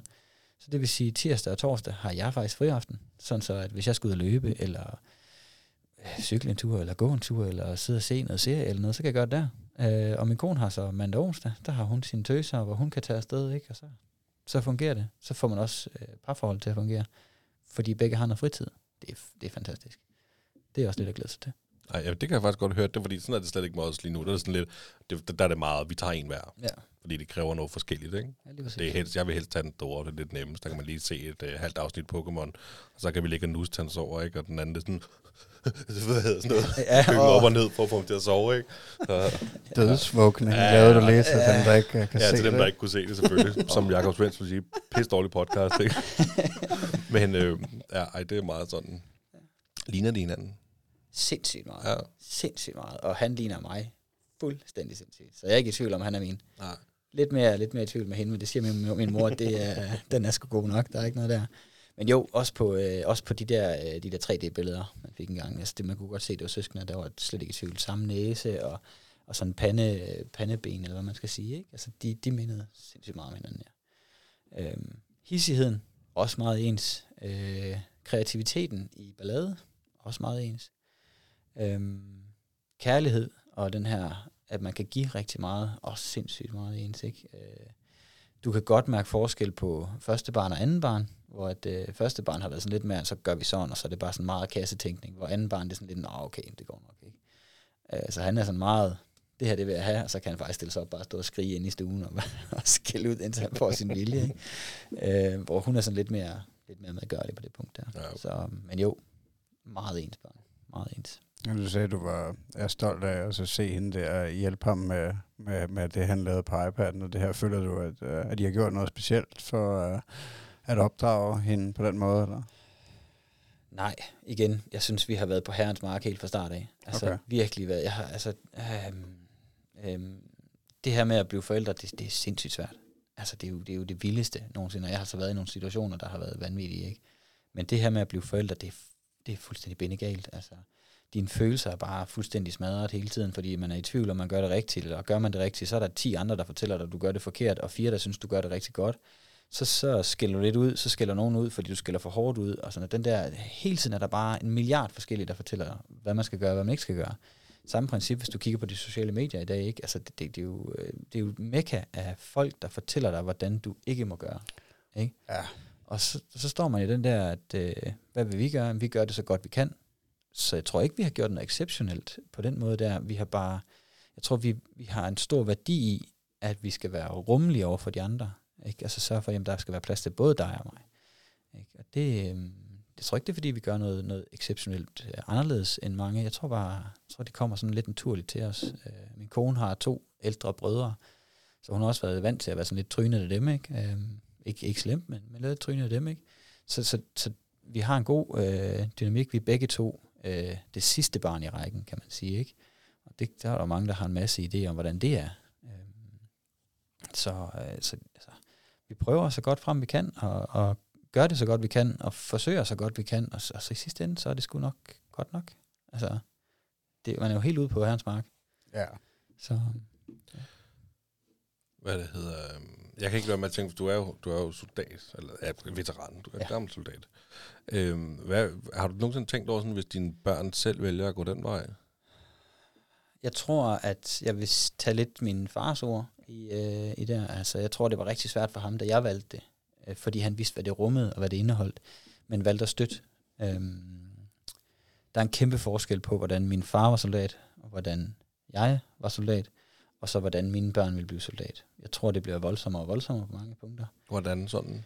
Jamen, øh, min far, han, er, han har været udsendt i Bosnien, og han har også været i Irak og Afghanistan og sådan noget, ikke? Men, men bare på en helt anden måde, fordi han var ældre, og han var, han var officer og sådan noget, så det er lidt en anden måde, end jeg var afsted som, som konstabel, ikke? Øhm, de øh, brandpunkter, der er i verden, er mere ekstreme, end det var engang. Og det er jo sådan, det er. Så hvordan det vil være, når mine børn engang kommer den alder, det ved man jo ikke. Men jeg ved, det bedste, man kan gøre, i hvert fald i min optik, det er at lade være med at sige nej. Men prøve at støtte dem og guide dem i den. Øhm, øh, jeg ved, at min mor, hun skældte min far en del ud over den måde, han var på over for, over for mig med hensyn til det her med forsvaret. Hvordan han ligesom vælger at fortælle noget og sige, i stedet for at sådan sige, åh, nu skal du også passe på dig selv. Og sørg nu for lige at tænke. Så har han sådan meget, husk nu det her, husk nu det her, husk nu det her, så sørg for, at du har styr på det. Når du går derhen, så sørg for at have styr på det. Sådan han var sådan igen den her meget pragmatiske øh, militærtype, type, ikke? Hvor min mor, hun er sådan meget, hun er opvokset i København, hun er fra Valby af, ikke? Og sådan, hey, fred, og alt det der, ikke? Ikke også, så de er bare sådan stik modsætninger, ikke også? Men sammen har de jo fået skabt øh, min søster og jeg, ikke? Som, som fungerer der nogenlunde, ikke? Øhm, og blev nogenlunde normale. Øhm, så, så altså, det handler om at støtte dem, og så sørge for at fortælle dem, at man støtter dem i det, og så fortælle dem omkring, hvad indebærer det valg, du har gang i. Og det var det, min far han gjorde for mig, og ud fra det kunne jeg tage et sundt valg. Jeg lavede øh, afskedsbreve og testamenter og alt det der. Jeg gjorde alt klar, hvis der skulle ske mig noget, mens jeg var afsted. Ikke? Jeg lagde det rent ud for mine forældre, at jeg, jeg havde sgu ikke lyst til at være en grøntsag, når jeg kom hjem. Så hvis vi kom til den situation, hvor jeg lå i respirator, og de var sådan lidt, der er altså rimelig stor sandsynlighed for, at han bare er mega handicappet, når han kom ud herfra. Altså, altså sluk for lortet. Altså, Altså, det skal vi ikke, jeg, skal ikke, jeg, skal ikke, øh, jeg skal ikke op og sidde i kørestol resten af mit liv. Der er ikke noget galt i at sidde i kørestol, men for mig, det vil ødelægge mig fuldstændig. Øhm, så, så jeg tror, det handler om bare at støtte, fortælle, hvad, hvad det er, og det er nok også sådan, jeg vil gøre det. Jeg er ikke sikker på, at min, min kone vil være enig med mig, men, men jeg tror, at den bedste måde, det er at, at informere, og så tage den derfra, og så håbe på, at man har de 18 år op til, de vælger det her, at du har fået lov til at præge dem så meget, at de kan tage et sundt valg for sig selv. Ja. Ikke? Og, og så, så du kan, hvis du går ind og siger, nej, det må du ikke, så jeg ved det for mig selv. Hvis min far siger, ah, det kan du i hvert fald ikke, jamen så gør jeg det. Mm. Fordi skal, han skal fandme ikke bestemme, eller de skal ikke bestemme. Ikke? Men sådan inderst den så du helst de to en anden vej, en anden karriere. Ja. Ja. Uden, uden tvivl. Ja, ja, uden tvivl.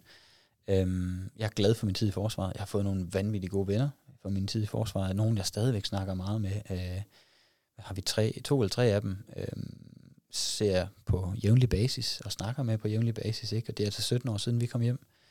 Øhm, en af dem, jeg løber meget med, en der hedder Martin, er også en, jeg mødte i forsvaret. Øhm, en af dem, der kommer til det her ultraløb, vi har i efteråret, eller her om to uger, der skal løbe 24 timer. Det er en af mine gamle militærkammerater, min gamle vognkommandør. Ikke? Øh, så, så, så man får dannet sig nogle, øh, nogle sindssygt fede relationer, og dem vil jeg ikke være foruden. Men der er også bare rigtig mange, der er nogle dyre penge at betale. Ikke, ikke kontanter som sådan, men der er nogle rigtig dyre ting at betale, og ved at være veteran, og ved at være soldat, og ved at være udsendt og sådan noget, som, som det, det er man simpelthen nødt til at forholde sig til. Um, Hvad sådan nogle, der er jo sådan nogle små tag, altså der er værnepligten, værnepligt det kan man sagt. Du kan jo sagtens have værnepligt. Ja, ja. Og vil du, vil du sådan disciplinært anbefale det? Jeg tror, alle her i Danmark, både drenge og piger, vil have rigtig godt af værnepligt. Jeg Mm. tror faktisk, det vil være sundt for alle at lære lidt omkring struktur, strukturfascisme, og hvordan man gør rent, og hvordan man ligesom hører efter, hvad der bliver sagt. Fordi vi kæmper rigtig meget med det generelt, og det her med, at jeg gør, hvad der passer mig, fordi det har jeg ret til. Og det er fint, det må man gerne, men, men det skaber også bare rigtig mange problemer i vores samfund. Så jeg tror, at de fleste unge vil have rigtig godt af lige et halvt år, måske endda et helt år, inde i, øh, i Ja, fordi at det er jo fire, altså jeg har været værnepligtig det år, lidt over 10 år siden. Ja. Og det var kun fire måneder. Ja, jeg blev lavet om. følte lidt, det var for lidt. Ja, det er det også. Alt for lidt. Men der, kan- hvis du tager garderne, det er, jeg tror, det er 10 måneder. Ja. Søværnet er vist også 10 måneder, fordi du okay. Kan ikke nå mindre. Men øh, almindelige soldater øh, i herren, der er, det, der er det 4 måneder. Og så vælger man så at melde sig til HU'en, som så er 8 måneder, og så er det en udsendelse derefter. Ja. Ikke? Øh, og så kan man komme over de stående styrker bagefter. Sådan, sådan var det i hvert fald for ja, det er så 17 år siden. Hvad betyder de stående styrker? det er fastansat i forsvaret, Ja, okay, ja. øhm, hvor du kommer over i den, den, den del af styrkerne, som kan udsendes, som er fast personel, så det er professionelle soldater. Ja. Så øh, altså, jeg endte med at være professionel soldat i hvad? Lige knap halvanden år, tror jeg. Okay. Øhm, inden jeg fandt ud af, at det var ikke lige det, jeg skulle. Øhm, og så skiftede jeg over til fysioterapi, og det klarer jeg sgu egentlig meget godt. Nej, fordi du fortalte jo også, inden vi gik i gang, at øhm, du har jo også PTSD. Ja. Øh, Det, jeg fik det diagnostiseret i 2011 af en psykiater, der stillede mig nogle meget ubehagelige spørgsmål. Også især til mig og min fars forhold, hvor man sådan lidt, hvad fanden har det med noget at gøre? Men de var nødt til at rense ud i alt det der, der skal ske. Ikke? Øhm, men jeg fik, jeg fik diagnosen som i 2011, øhm, og fik sådan en, jamen, om med det der bla bla bla, så kommer du højst nok ikke til at kunne præstere så godt på arbejdsmarkedet. Og det er jeg sgu ikke så god til, det, når man siger, at jeg ikke kan noget. Så, øh, så jeg valgte egentlig bare at sige, jamen, så lægger jeg en plan de næste 10 år, der det her skal være. Inden jeg bliver 40, så skal jeg have min egen klinik, og den skal være så så så stor. Ikke? Og nu er jeg 38, og øh, jeg er der allerede nu. Fordi det, det er jeg, er ikke, jeg er ikke så god til det med, at folk sætter barriere for mig. Øhm, øhm, og det, det er den måde, jeg har valgt at håndtere det her PTSD på, det er simpelthen bare at træne. Altså, øhm, respektere princippet i, når mit sind ikke kan mere, men samtidig også sørge for at presse den bare en lille smule, så man hele tiden skubber det til stikkerne og grænserne, ikke også? Øh, og det er sindssygt svært, når man også er forældre, fordi det, børn presser en til grænsen, og så lige en fodboldbane længere hen, ikke? Jamen, hvis, hvis der skulle sidde nogle lytter derude, og inklusive mig selv, jeg er ikke helt skarp i PTSD. Kan du fortælle sådan lidt om, hvad det egentlig er? PTSD er, står jo for posttraumatisk stresssyndrom. Mm. Øhm, og det er, øhm, det er en sindssygt mærkelig øh, størrelse, fordi så snart man lægger syndrom ind i en diagnose, der har noget med sindet at gøre, så er det typisk en skraldespandsdiagnose. Det vil sige, alt det man ikke lige kan diagnostisere, lægger man gerne derover i. Der er rigtig mange i dag, der siger, at de har PTSD. Øhm, Nogen får PTSD ved, at de går ud og er lige ved at blive kørt over, fordi de har traume for noget, der er sket i fortiden, som så er vildt, og, så, så, og det, det kommer meget ind på, hvem man er. Der er nogen, der kan holde til at blive skudt efter og løbe rundt i krig, og så ikke mærker en skid til det. Og der er nogen, der bliver stresset over, at øh, de mister en forælder, og så er det det, de får PTSD af. Så det er sådan en meget, meget svær diagnose. Når man snakker soldater, så hænger det typisk sammen med søvnløshed. Det hænger sammen med øh, overvågenhed. Øh, øh, øh, mange har øh, problemer med aggressioner og hissighed. Øh, den, det, den jeg lægger primært i, men jeg er så forholdsvis god til at håndtere det, synes jeg selv. Øh, det er ikke altid min kone er enig, men det er en anden side af sagen. Øhm, det, er sådan, det, det er sådan hele den der smøre af det, hvor man, man, man kæmper lidt med, at det er en stresstærskel, for den, den lægger ikke så langt over der, hvor man siger, nu, nu knækker grænsen. Ikke? Øhm, og så lægger vi lidt højere, og det er så der, vi er nødt til at gøre noget for at bearbejde det. Så er der nogen, der går til psykolog, nogen går til psykiater, nogen går til mindfulness, nogen går til andet. Jeg træner, og så når der virkelig er tryk på, så, så tager jeg lige forbi psykologen. Jeg har igennem forsvaret, øh, hvis man søger den hjælp, man skal have, eller gerne vil have, så får man den oftest. Ikke? Øh, det kan godt at man har nogle spørgsmål, de lige skal køres igennem, men, men man får faktisk den hjælp, man gerne vil have. Det har jeg i hvert fald fået. Øhm, så hvis jeg har lige pludselig brug for en psykolog, så ringer jeg bare til dem, og så får jeg lige 5-10 stykker bevilget, og så tager jeg ned forbi den psykolog, der er koblet på. Hun kender mig i forvejen, og så ved hun, hvordan hun skal spørge lige for at få det demonteret, og så fungerer jeg nogenlunde normalt igen. Ikke? Øhm, som for mit vedkommende, der er det her, det er det her gråd for gråds skyld, som børn har en gang imellem, når de klynker bare for at klynke, hvor der egentlig ikke er sket noget, men det er fordi, de ikke lige må få en Nutella-mad, ikke? Jeg, jeg kan slet ikke have det. Altså, det er sådan, der er flere gange, ikke flere gange, skal jeg på, hvad man siger, men, men ofte i hvert fald, når det her det sker, så kigger min kone på mig allerede inden jeg når dertil, hvor jeg bare kammer over, og så siger hun, måske skulle lige tage at gå en tur. Ja. Og så går jeg ned i kælderen, og det passer typisk med, når jeg bliver i den mode der, så går jeg sådan i den her, øh, igen, praktiske mode, så begynder jeg at gå rydde op. Og det tror jeg sgu egentlig, hun synes er meget hyggeligt. Øh, fordi så får jeg lagt lidt vasktøj sammen, og får ryddet lidt op, og får gjort det der, der lige går og mangler, når jeg har brug for at komme væk fra alt det der.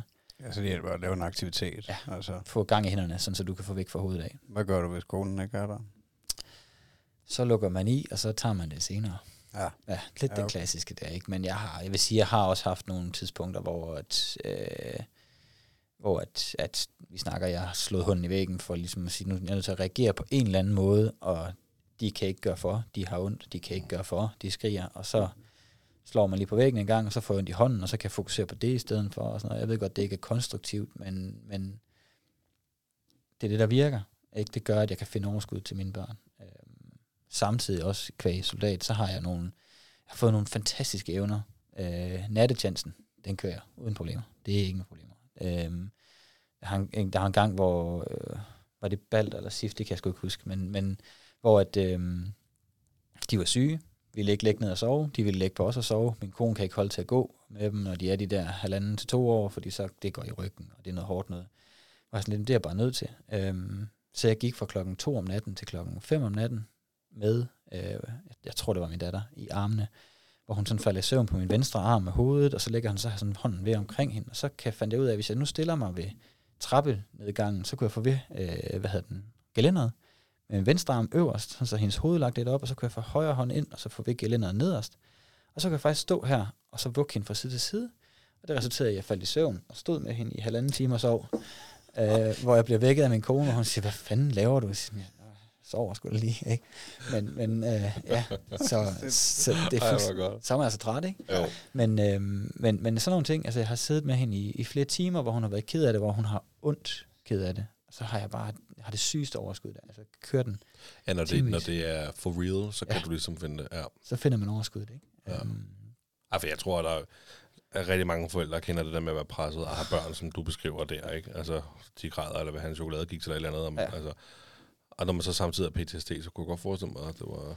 Det trigger nogle ting, ja. ja. Men, men igen, ligesom alt andet, du er bare nødt til at arbejde med det. Det kan ikke nytte noget, du lader det æde dig, og så, så er det det, der tager over. Fordi hvis det er det, der får lov til at styre, så bliver det noget lort. Ikke? Hvordan, nu har vi, vi har selvfølgelig snakket om, om begge fødslerne og sådan noget, men der var, det var helt fint i forhold til din PTSD, fordi det er jo også, for man fødsler er jo stresset.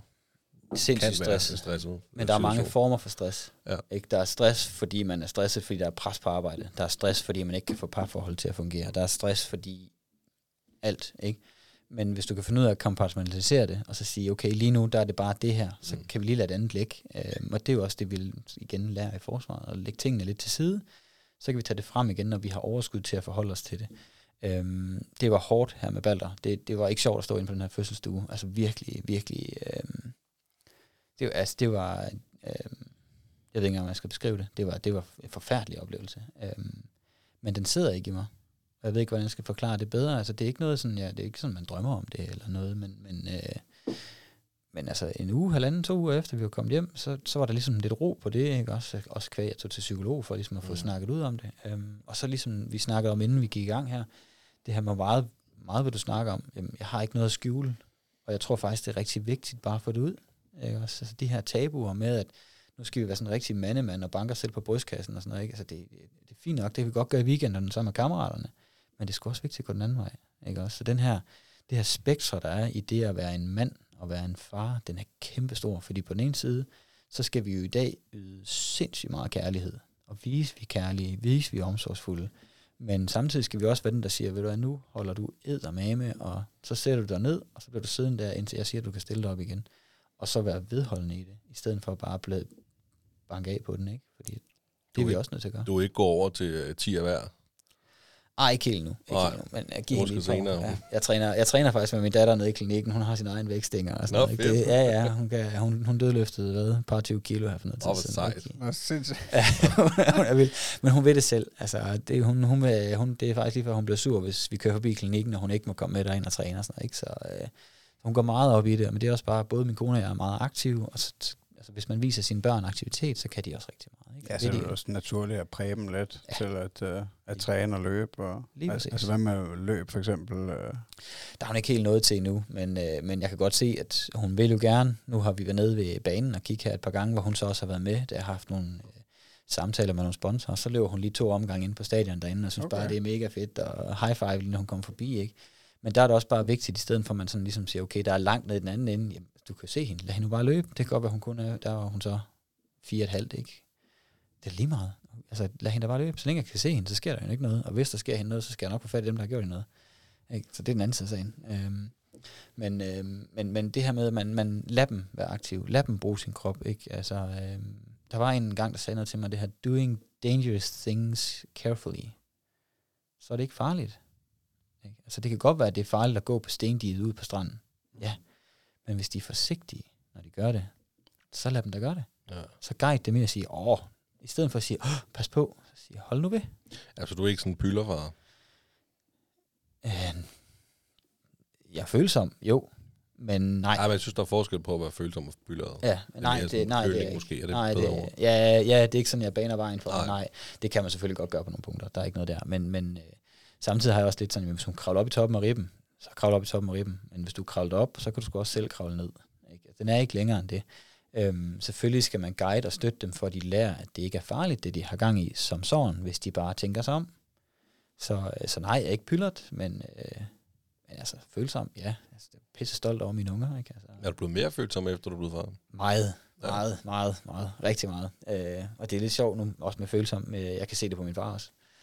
Altså, min far er en dejlig far. Han er en god far. Der er slet ikke nogen tvivl om det.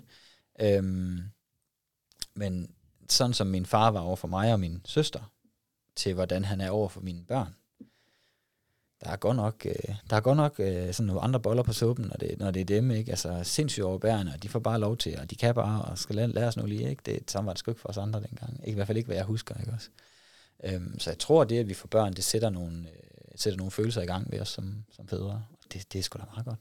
Altså, det skal der da også være. Altså, jeg har i hvert fald opdaget, at man har et standpunkt, til man tager et nyt, efter man har fået børn. Og jeg havde godt nok mange meninger og holdninger om, hvordan man skulle opdrage et barn, eller hvor det var, de skulle have lov til. Så fik jeg børn. Ja. Så kunne jeg godt mærke, at det, der er jeg sgu fæsen en gang imellem. Vi plejer at kalde det dominobrikkerne. ja. Jeg har en masse holdninger, og så vælter vi bare sådan en af gangen. Ja, ja. Så sådan, ah, men de skal ikke spise Nutella efter klokken syv. Ja, ah, lige en enkelt gang. Nok ikke. altså, altså, vi, har, vi har en søn, han spiser kun bollechokolade til morgenmad. Altså det, Ja. det var sådan lidt, jamen prøv her, han gider ikke æde andet, så lad ham dog æde det, og så tager han noget om en time, så går det nok, ikke? Så, Jeg tror sgu også, det ville være svært, hvis man var på dødsstedet hele tiden og skulle holde fast i alle de der ting. Men det kan godt være, at jeg kan også ikke genkende til det der med, at, at min far var, var noget anderledes, også noget anderledes, end han er farfar. Altså, men jeg ved ikke, om de var mere stedige og, og hårde dengang måske. Jamen, der skulle måske være mere, altså det der, man var mere mand dengang. Ja, man skulle være lidt mere bange på Altså dengang var der sgu ikke nogen, der havde en far-podcast, tror jeg. Nej, Det, Nej, der var så man var transseksuel. ja, ja, det var gang, ikke?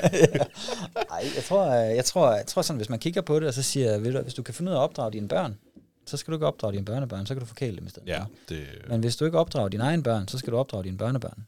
Ikke? Så altså, vi blev opdraget sundt og godt på mange punkter, også sådan lidt nogle gange, så godt have fået lidt mere lov, ikke? Men, øhm, men min far havde også den der med, at jamen, krav nu bare op i træet, så finder vi ud af det. Ikke? Altså, hvad er det værste, der kan ske? Jamen, jeg har så brækket armen en del gange, fordi jeg faldt ned for ting og sådan noget. Ikke? Men det er jo ikke noget, man død af. Til gengæld har man lært rigtig meget af det. Ikke? Så altså, det her med, at hvis man gider at gøre noget for at opdrage sine børn, så slipper man for at tage ved og opdrage børnebørnene. Så nu skælder jeg så min far en del ud en gang imellem, fordi han sådan tit laver sådan noget, man tænker, lad nu være. altså over for dine børn, eller hvordan? Ja, øh, min far han driller min søn, og min søn han, han forguder min far. Det er sådan helt åndssvagt. Altså, det, er, det er farfar, det er farfar, det er farfar. Altså, hvis vi siger, sådan, skal vi op til farfar? Vi bor i et treplanshus. Og min mor, min mor og far bor i Jørgen øh, nu. Øh, skal vi op til farfar? Så stiller han sådan ud i trappen og står og råber op, fordi farfar er oppe ovenpå. Mm. Ikke også? Og så okay, og så siger vi, nå, ja, øh, han er her altså ikke, og så er han bare fuldstændig knust, oh, fordi han er, han, han er så glad for sin farfar, og det er så fedt at se. Ikke? Altså, de, øh, de har fundet hinanden. Min søster har som sagt tre tøser, og så har vi så Sif, ikke? Og de er alle sammen, det er mormor og farmor, det er, det er der, den fungerer, ikke? Men, men Balder, det er farfar. Ja. Det er helt vildt. Og det er, det er, det er, det er sgu meget rørende at, at opleve. Altså, det, det er mega fedt. Mega fedt. Ja, det er fandme fedt at se også, at, at de har et bånd, ikke? Og altså, jeg er fedt at have nogle bedsteforældre, der gider at, uh, at lege med en og være der for dem. Altså, hvad fanden, nu, nu når du løber ultraløb også, og du, uh, og du har din egen klinik, og, og du har to børn, altså er det ikke, uh, er det ikke svært nogle gange at få tid til det hele i, i hverdagen? Jo, jeg har 37 timer i døgnet, tror jeg. Øhm, sådan et du andet. jeg forsøger i hvert fald. Ej, jeg synes jeg, jeg synes, jeg forsøger på at balancere det rigtig godt i den forstand, at jeg har også, jeg er kommet så langt nu med min klinik, at jeg kan, jeg kan lukke min kalender en gang imellem.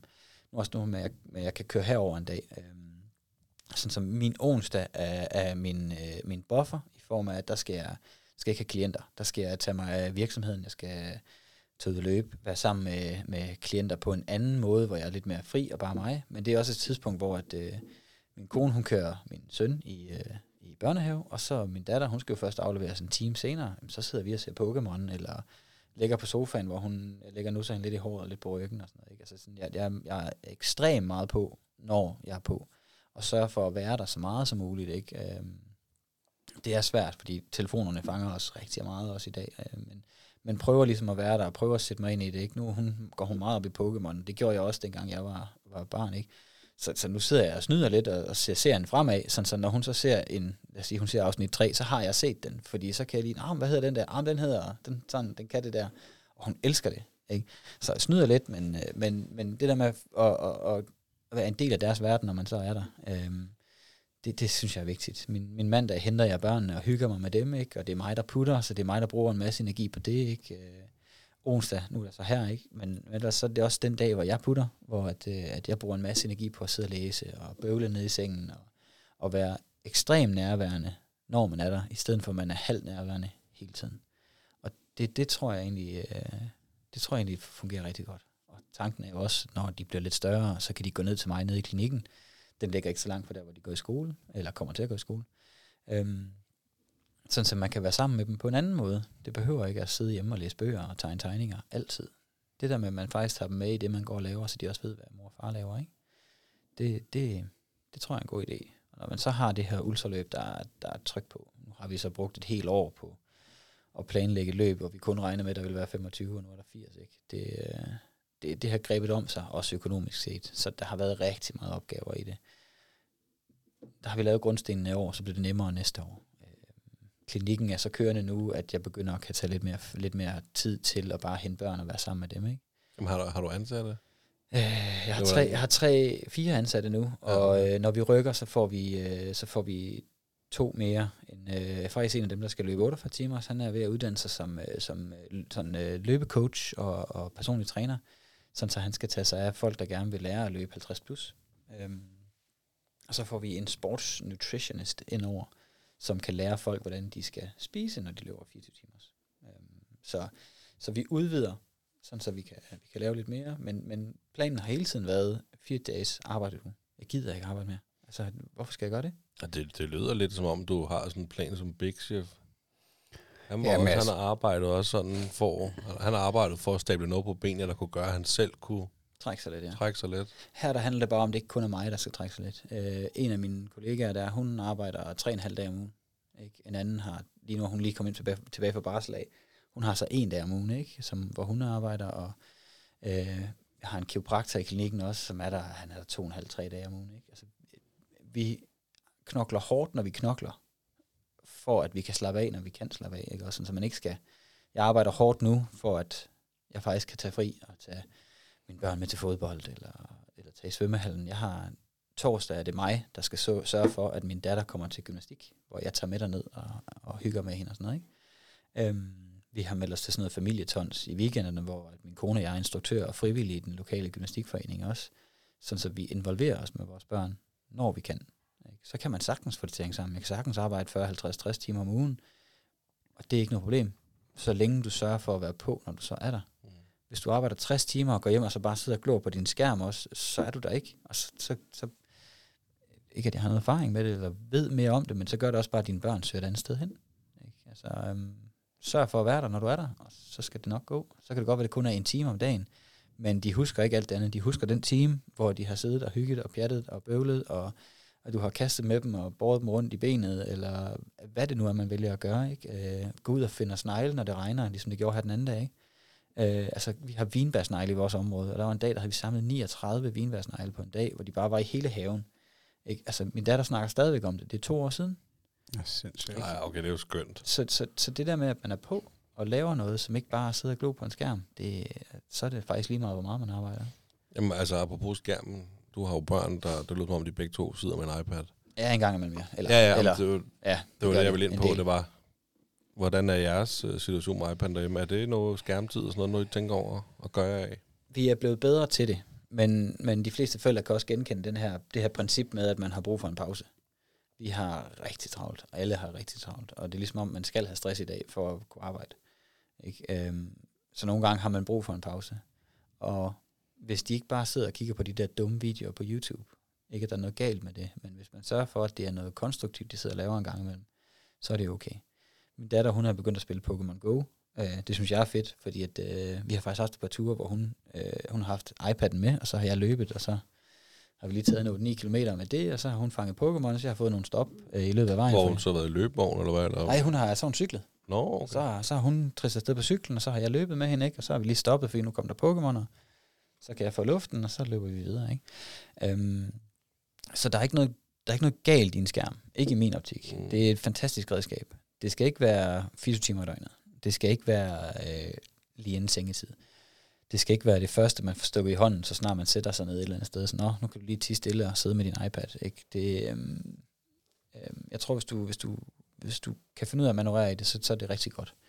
Vi har haft rigtig svært ved det. Igen, kvæg vores datters kramper, så har hun ikke måttet græde, fordi hvis hun græd, så fik hun kramper, og hvis hun fik kramper, skulle vi indlægges.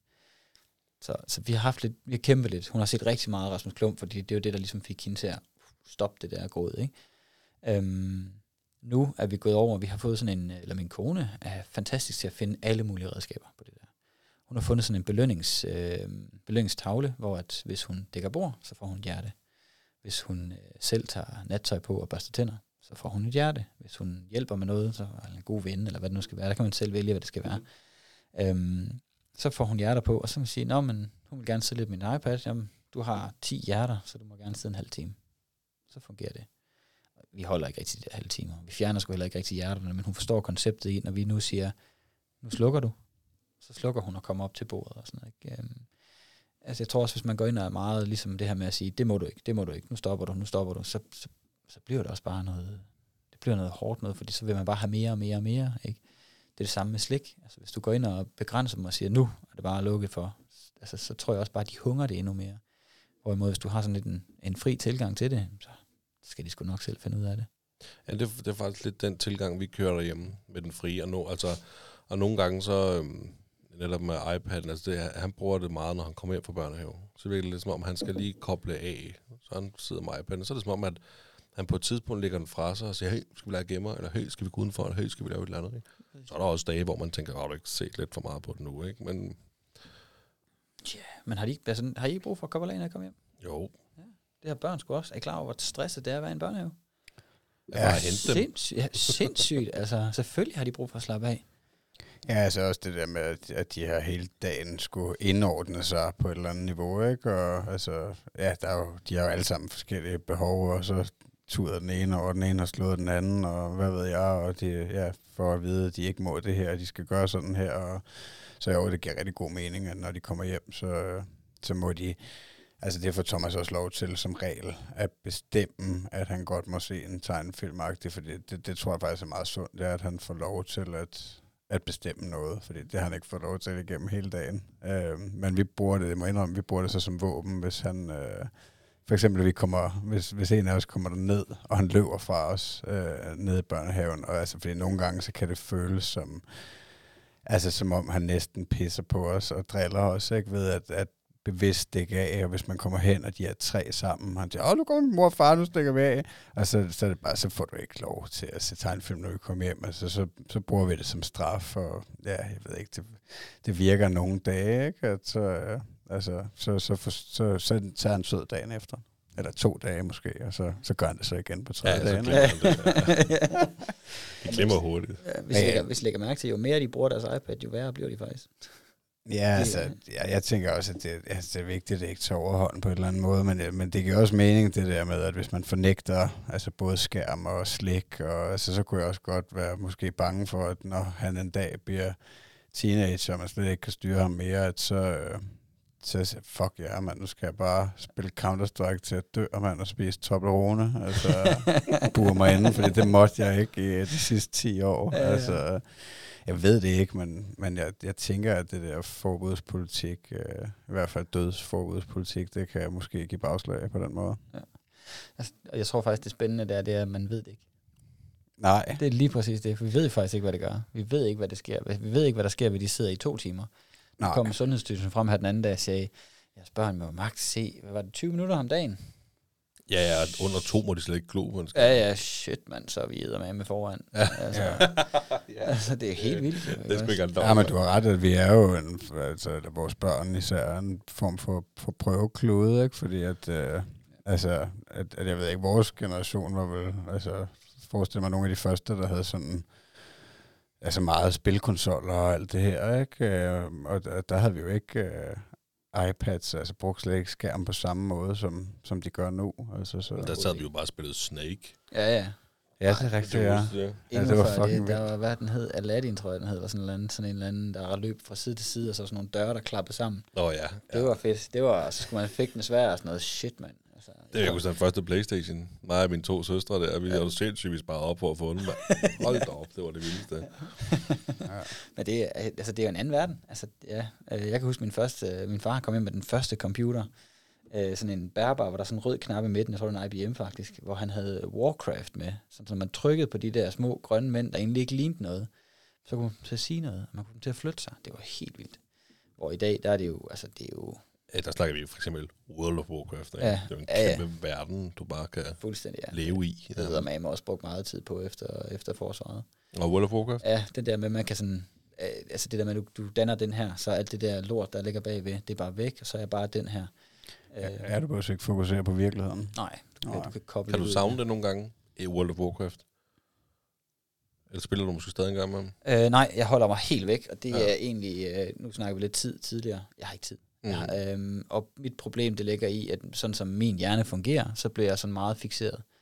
Øhm, jeg har heller ikke spillet på min telefon længere, udover Pokémon Go, fordi det sidder min datter engang med mig men, men øh, jeg sletter dem simpelthen, fordi at, øh, at jeg kan finde et spil, og så bliver sådan helt, så suger det mig bare ind, fordi den her verden, den, den appellerer øh, sindssygt meget til mig.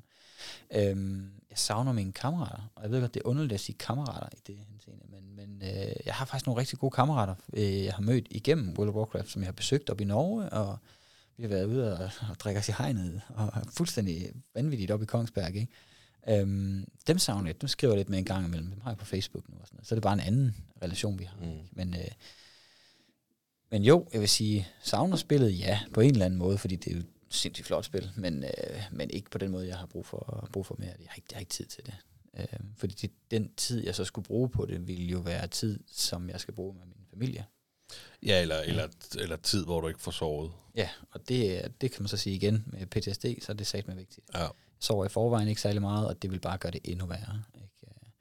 Så, så jeg har heller ikke en stationær derhjemme. Øh, Jeg har en bærbar, jeg bruger til mit arbejde, og så har jeg en ar- arbejdscomputer nede, som er dernede. Ikke? Mm. Øhm, Ja, det vil jeg fandme også våge påstå, at det er sundere at, øh, at vise hende, hvordan man øh, dødløfter, og hvordan man løber rundt på øh, om Ja. et stadion, øh, end at vise hende, hvordan man spiller World of Warcraft. Ja, ja, selvom det kunne være sjovt. Men, øh, men ej, jeg, jeg, jeg vil hellere give hende nogle, nogle andre værdier. Og der er værdi i at spille computer. Det er der, der, det der du kan se. Der, Der er de her- penge i det, mand. Sindssygt, ikke? Altså, det er jo fuldstændig vanvittigt. Øhm, jeg har haft kontakt til nogle af dem, der er fra Astralis, på grund af nogle muskeskader og sådan noget, ikke? Øh, hvor man sådan, det, det er jo helt vildt, den mængde, de laver. Men de træner faktisk også sådan rigtig, rigtig meget. Ikke? Ja. Altså, de løber jo helt vildt. Øh, Hvad var det, Kasper Witt? Han, var, han har hoppet på dem som, øh, som fysisk træner, ikke? Altså, det er jo helt vildt. Øhm, men, men jeg tror bare desværre, at det er den vej, det er. Altså fodbold øh, på græsplænen og alt det der, ud og lege og kaste med pinden ud i skoven og lave mudderkager og sådan noget, det, det, er ikke, øh, det er ikke lige så velanset, eller man siger, det er ikke lige så besøgt, tror jeg, man skal sige. Som, Nej, det er jo det, det er jo det, alle forældre ønsker, deres børn gør. Ja. Men der er jo færre og færre børn ude på vejene. Eller, ja, nu siger jeg vejene. på ud og ud at spille fodbold. Og det er, fordi vi ikke gør det med dem. Mm, jamen, det tror jeg, du har Altså, det, hvis, du gør det med dem, og, og er barn med dem, og det- lærer dem det, Det føler jeg bare ikke, mine forældre var. Og jeg Nej, var nej. ude at spille fodbold. ja, men, men jeg tror bare, at det, dine forældre havde heller ikke problemstillingen i, at der stod en iPad ved Nej, siden nej, af, nej, okay. Det, det, er jo selvfølgelig, Ikke? det er jo selvfølgelig der.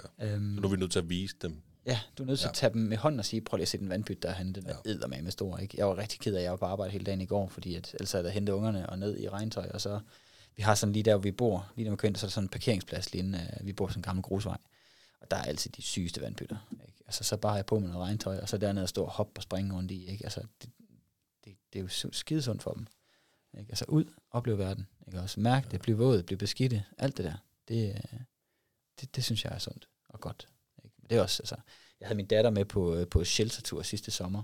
Bare hende og jeg, hvor vi sådan, hvad skal vi gøre? Vi tog ud og fisker ude ved stranden, ude ved øh, Moskov Strand, hvor vi fiskede lidt efter krabber. Øhm, det- der brugte vi en halv time på det. Så kørte vi ud til et shelter, og så var vi der. Så øh, slog vi et telt op og øh, lavede morgen- eller aftensmad på bål og natmad på bål, og der var et, jeg tror det var et hollandsk par, der havde en helt lille, sådan en helt nyfødt baby med, øh, på, hvor de var på cykelrejse rundt. Det var fuldstændig bindegalt, men det er en anden side af sagen. Øh, hvor min datter, der har hun været fire og et halvt, ikke, hvor hun sådan forsøger sig faktisk på engelsk over for dem, hvor hun sådan siger, far, hvordan siger man det? Så siger hun, det skal du sige sådan her. Og så sagde jeg det højt, så de forstod, hvad jeg sagde, og så gentog hun det bagefter. Sådan noget, ikke? Og så fik hun faktisk sådan en, en, en kommunikation med de her, et par fra, ja, som sagt, Holland, ikke? Og hvor man siger, det er jo en, altså, det er jo en oplevelse, hun ikke ville få, hvis hun sad med en iPad. Ikke? Og, øh, og, og, og, vi lugtede af røg, og det, vi så op dagen efter, hun gik kold klokken kvart over 11 om aftenen, fordi jeg gider da ikke bruge energi på at smide hende i seng derude. Så tog jeg sovepusen ud, pakkede hende op i den, og så sad vi, øh, sad vi foran bålet og snakkede om alt muligt mærkeligt, ikke? Og hun forsøgte på at kommunikere med de her, de her hollænder, og, øh, og så, så, så, så kunne man se på hende, nu hun var ved at være træt, så gik jeg ind og hentede noget mælk, og så varmede jeg lige det op på bålet, og så sagde jeg, prøv lige, øh, prøv lige at drikke det her, ikke? Så har jeg puttet lidt honning i, og så kunne se lige, da hun har fået det, så det er jo ligesom sådan en hammer. Så fik hun bare, så gik hun kold, altså. Ej, for godt. Ja, så ind i teltet, vågne dagen efter, ikke? Altså op, morgenmad på bål, og pakke sammen, og så kører vi hjem. Altså fantastisk far datter tur, ikke? Øhm, det, altså, hun snakker stadigvæk om det. Hun spørger stadigvæk, skal vi ikke afsted på? Så vi når det ikke i år, på grund af, at jeg har haft det travlt med løbet, ikke? Men, øhm, men hun vil gerne, og hun kan, du kan mærke, hun hunger det der. Næsten lige så meget, som hun gerne vil have iPad'en, ikke? Så hun gerne ud og lave noget. Ikke? Og det samme vores søn, der, han går helt amok, hvis det regner, og han ikke må komme udenfor, fordi han er bare ude og hoppe i vandbytter. Men det er også fordi, vi har vist ham det. Ikke? Så Jamen, jeg, jeg kan godt følge dig i, og det der med, at man altså prøver at skabe nogle minder, som de husker, det, er- det er jo stort. Der var sådan en, har I set den der Inside Out tegnefilm? Jo, jo, ja, ja, den Ja, åh ja, det, er- det er sådan rigtig, fantastisk. den giver tårer, ja. ikke? Men det her princip med core memories, ikke? den der, her danner vi noget, som danner grobund for, hvem de er. Ikke? Lær dem naturen er faktisk sjov at være ude i. så, bliver det også noget, der har værdi. Det er fint nok, de også gerne vil sidde med deres iPads. Og efter man er ude ved stranden i blæsevejr, i stiv cooling, og det hele ikke, og det har regnet, så er det sgu okay, de kommer ind og sidder foran, øh, foran pejsen med, med en iPad og bare zoner ud et par timer. Det sker der ikke noget ved. Så længe man også sørger for at have den anden pangdang i det. Jamen, så virker det som om, der er en god balance hos jer. Ja, det, det tror jeg også, der er. Altså, Mm. Ja, det behøver slet ikke være så vildt, vel? Altså, man behøver jo ikke være Erik B. Jørgensen og tage Nej. på kajaktur i 45 dage ude i Vildmarken. altså, øh, altså, fordi jeg føler, at, at bare det, altså, for nylig at vi gå ud i parken bare altså, en halv time måske og plukket brumbær og, og, og gået lidt rundt, ikke? Og, og pillet i græsset og hoppet rundt på sten og hvad ved jeg. Altså, der skal ikke så meget til for, at, øh, at han bliver excited, vel? Altså, og, og jeg tænker, at der er nok jeg er god bund for, at han gider være udenfor. ja, ja. Men så kan man nok vende om og sige, at det er fordi, at han er ude at lave noget, eller er det fordi han er ude sammen med dig. Ja, jeg tænker, det er altså begge dele, men, men jeg tænker, at det er et sundt forhold, vi får, altså hver gang vi gør sådan noget sammen. Lige præcis. Ja. Igen de her kerneværdier, kerneminder, som man virkelig kan, ikke? Jo. Så det er bare, Jeg ved ikke, om vi er ved at være ved vej til enden. Det kan vi, Vi er godt oppe se. på halvanden time. hold da kæft. Ja, Ja. det, ja, ja. Det går, at jeg er fra Øhm. Jylland, men jeg snakker en del. det har været fantastisk. Men vi er ikke helt færdige. Fordi nu har du siger, du har hørt vores podcast. Ja. Så spørgsmålet om du har hørt den helt til ende, så ved du måske, hvad der skal til at ske nu. Nej, det har når faktisk aldrig set de sidste 10 minutter. Nej. Eller hørt de sidste 10 minutter, fordi det er sådan, så, så passer det med, så vi kommer op til min mor og far, eller ned til min kones mor og far, eller... Men altså, det gør heller ikke noget, fordi det er jo, det er jo lange episoder, vi ofte laver, så Ja. hvis folk ikke hænger i, fred Ja. med det. Men i hvert fald, så skal vi stille dig øh, fem spørgsmål, inden Ja. vi lukker af. Fyr Er klar? Ja. Hvad er det bedste ved at være far? Når de krammer en, og kommer hjem den her, den her, eller min søn, når han sådan laver hans kyssemund, og skal lige, nu skal man, nu, nu, nu er det kærlighed, det, der, det er det bedste, allerbedste. Det kan du ikke, det kan man simpelthen ikke sætte på pedestaler. Den der nærhed, man kan få. Hyggen. Put dem, når man lægger nu som på ryggen, og de lægger sig ind til en og putter. Det er, ja, rent. Hvad er det værste ved at være far så? Når man føler sig utilstrækkelig. Virkelig utilstrækkelig. Den her, når, man, når ens frustrationer bare, bare, bare brænder igennem, og man, øh, man kan mærke, nu er der ikke andet, men bare altså, ens stemme, den der kommer helt op i det røde felt, og der er ingen overskud længere, og man stiller sig op og råber af dem, og man kan se, at det faktisk gør lund på dem. Og man så uh, skal man lige ned, og så har trøstet dem igen bagefter. Det synes jeg er det værste. Den her, den her utilstrækkelighed, man bare føler konstant. Det, det er det værste. Hvad vil du gerne huskes for af dine børn? At det giver nogle gode bamsekrammer. Ikke? Den der, jamen, jamen, den der, den der, den der, altså omfavnelsen, det kan jeg huske fra min, min mormor af. Altså, den her, hun gav, de, hun gav de bedste krammer, fordi det var sådan hele kroppen, hun lagde ind i den. Ikke? Du var slet ikke i tvivl om, at hun var tæt på dig. Ikke? Øh, min mor og far gør det samme. Altså helt den her, vi, vi står lige og trækker vejret sammen. Ikke? Den, den der mm, nærheden, det, det vil jeg gerne huskes for. Hvad er du mest stolt af? At min søn gerne vil spille fodbold. Nå, Nej, øh, det, det er vildt at se. Han, han, han, er, han, er, han er snart tre, han spiller fodbold. Øh, men nej, hvad er jeg mest stolt af? Øh, jeg tror faktisk, nu vi har snakket om det, den her, øh, den her, det her samspil, mine børn har, øh, at jeg har fået givet dem noget, som jeg har med min søster, som har, min mor og far heller ikke ved, hvordan de har gjort. Men den her, øh, at de altid har en ven. Ikke? Der, er altid, der er altid en ved siden af, hvis de bibeholder det selvfølgelig. Ikke? Men, øh, men, men jeg tror, det, det er nok det, jeg er mest stolt af, at vi faktisk har fået skabt nogle fantastiske relationer i dem imellem. Øh, fordi på et eller andet tidspunkt, så er min mor, eller min kone og jeg, vi er her ikke længere. Så har de kun hinanden. Selvfølgelig har de familie og sådan noget, ikke? men den her, at de er aldrig alene, det, det er nok det, der gør mig mest stolt. vil du tage det sidste, Magnus? Hvis du skulle give et uh, godt råd til en kommende far derude, hvad skulle det så være? Hent far af dem, og dan dine egne meninger. Det Hvad- tror jeg. Hvad er det for en far-app? Det, jamen, den, den, den koster penge nu, det gjorde den ikke, da jeg fik min den første, så det er nok, fordi den har succes, ikke? Ah. Øh, men det er sådan en far-app, hvor den er skrevet af fædre til fædre, øh, hvor at, øh, de beskriver alt omkring øh, barnet, og hvad der sker i de forskellige trimester, de første øh, to-tre år, hvor det er sådan en, det her det er til moren, hun skal amme, faren kan gøre det her i stedet for. Lege, du kan lave med dem, det er... Øh, nu er, du, øh, nu er hun tre måneder henne, så ser det faktisk sådan her ud inde i livmoderen og sådan noget. Man kan følge den hele, den der proces, der er i det, ikke? Også man får nogle gode råd og noget vejledning som far, samtidig med, at det er skrevet på et sprog, hvor fædre kan sådan, altså, jeg, jeg sidder, så sgu og grine lidt af den en gang imellem, for det er sådan en, øh, nu er den lille hersker den her størrelse. Ikke? Om lidt så er hun ved at flytte ud af et, et værelses øh, lejligheden og sådan noget.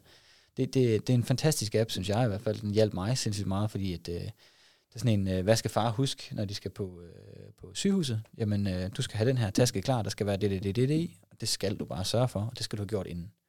Jamen, så kan man sådan klikke den af og sådan noget. Det, det, er, en, det er en sindssygt god app, synes jeg i hvert fald. Den hjalp mig sindssygt meget. Fedt, mand. Skud ud til far af dem. Ja, Det kunne ja. være meget rart, hvis du var en gæst, der en dag sagde, lyt til en stolte far. Det er det bedste ord, jeg kan give. Ja, det tror jeg næsten, Darsjo sagde. Men, uh, Var det det, sagde ja, det det, det, var kan, okay, det kan jeg ja, men jeg tror, det var Ja. tæt på. Ja, Ja, okay. Jeg ved ikke, om det var... Altså, Jeg ved faktisk ikke, om der har lavet den. Øh, jeg har slettet den nu, for jeg ikke bruger den længere, men jeg ved ikke, om der har lavet den. Det er, den er, det er en dansk app, jo. Mm. Mm. Der må være en eller anden derude. Ellers i hvert fald, så lyt til en stolte far. Ja. Ja. Det Ja, er ja. et godt råd for mig. Nå, på den måde. øhm, Ja, jo, også det, det er jo fantastisk. Tak. Tusind tak, fordi du øh, gad at køre hele vejen Selvfølgelig. og besøge os nede i kælderen. Det var Ja. ja. fuldstændig fantastisk at høre din historie.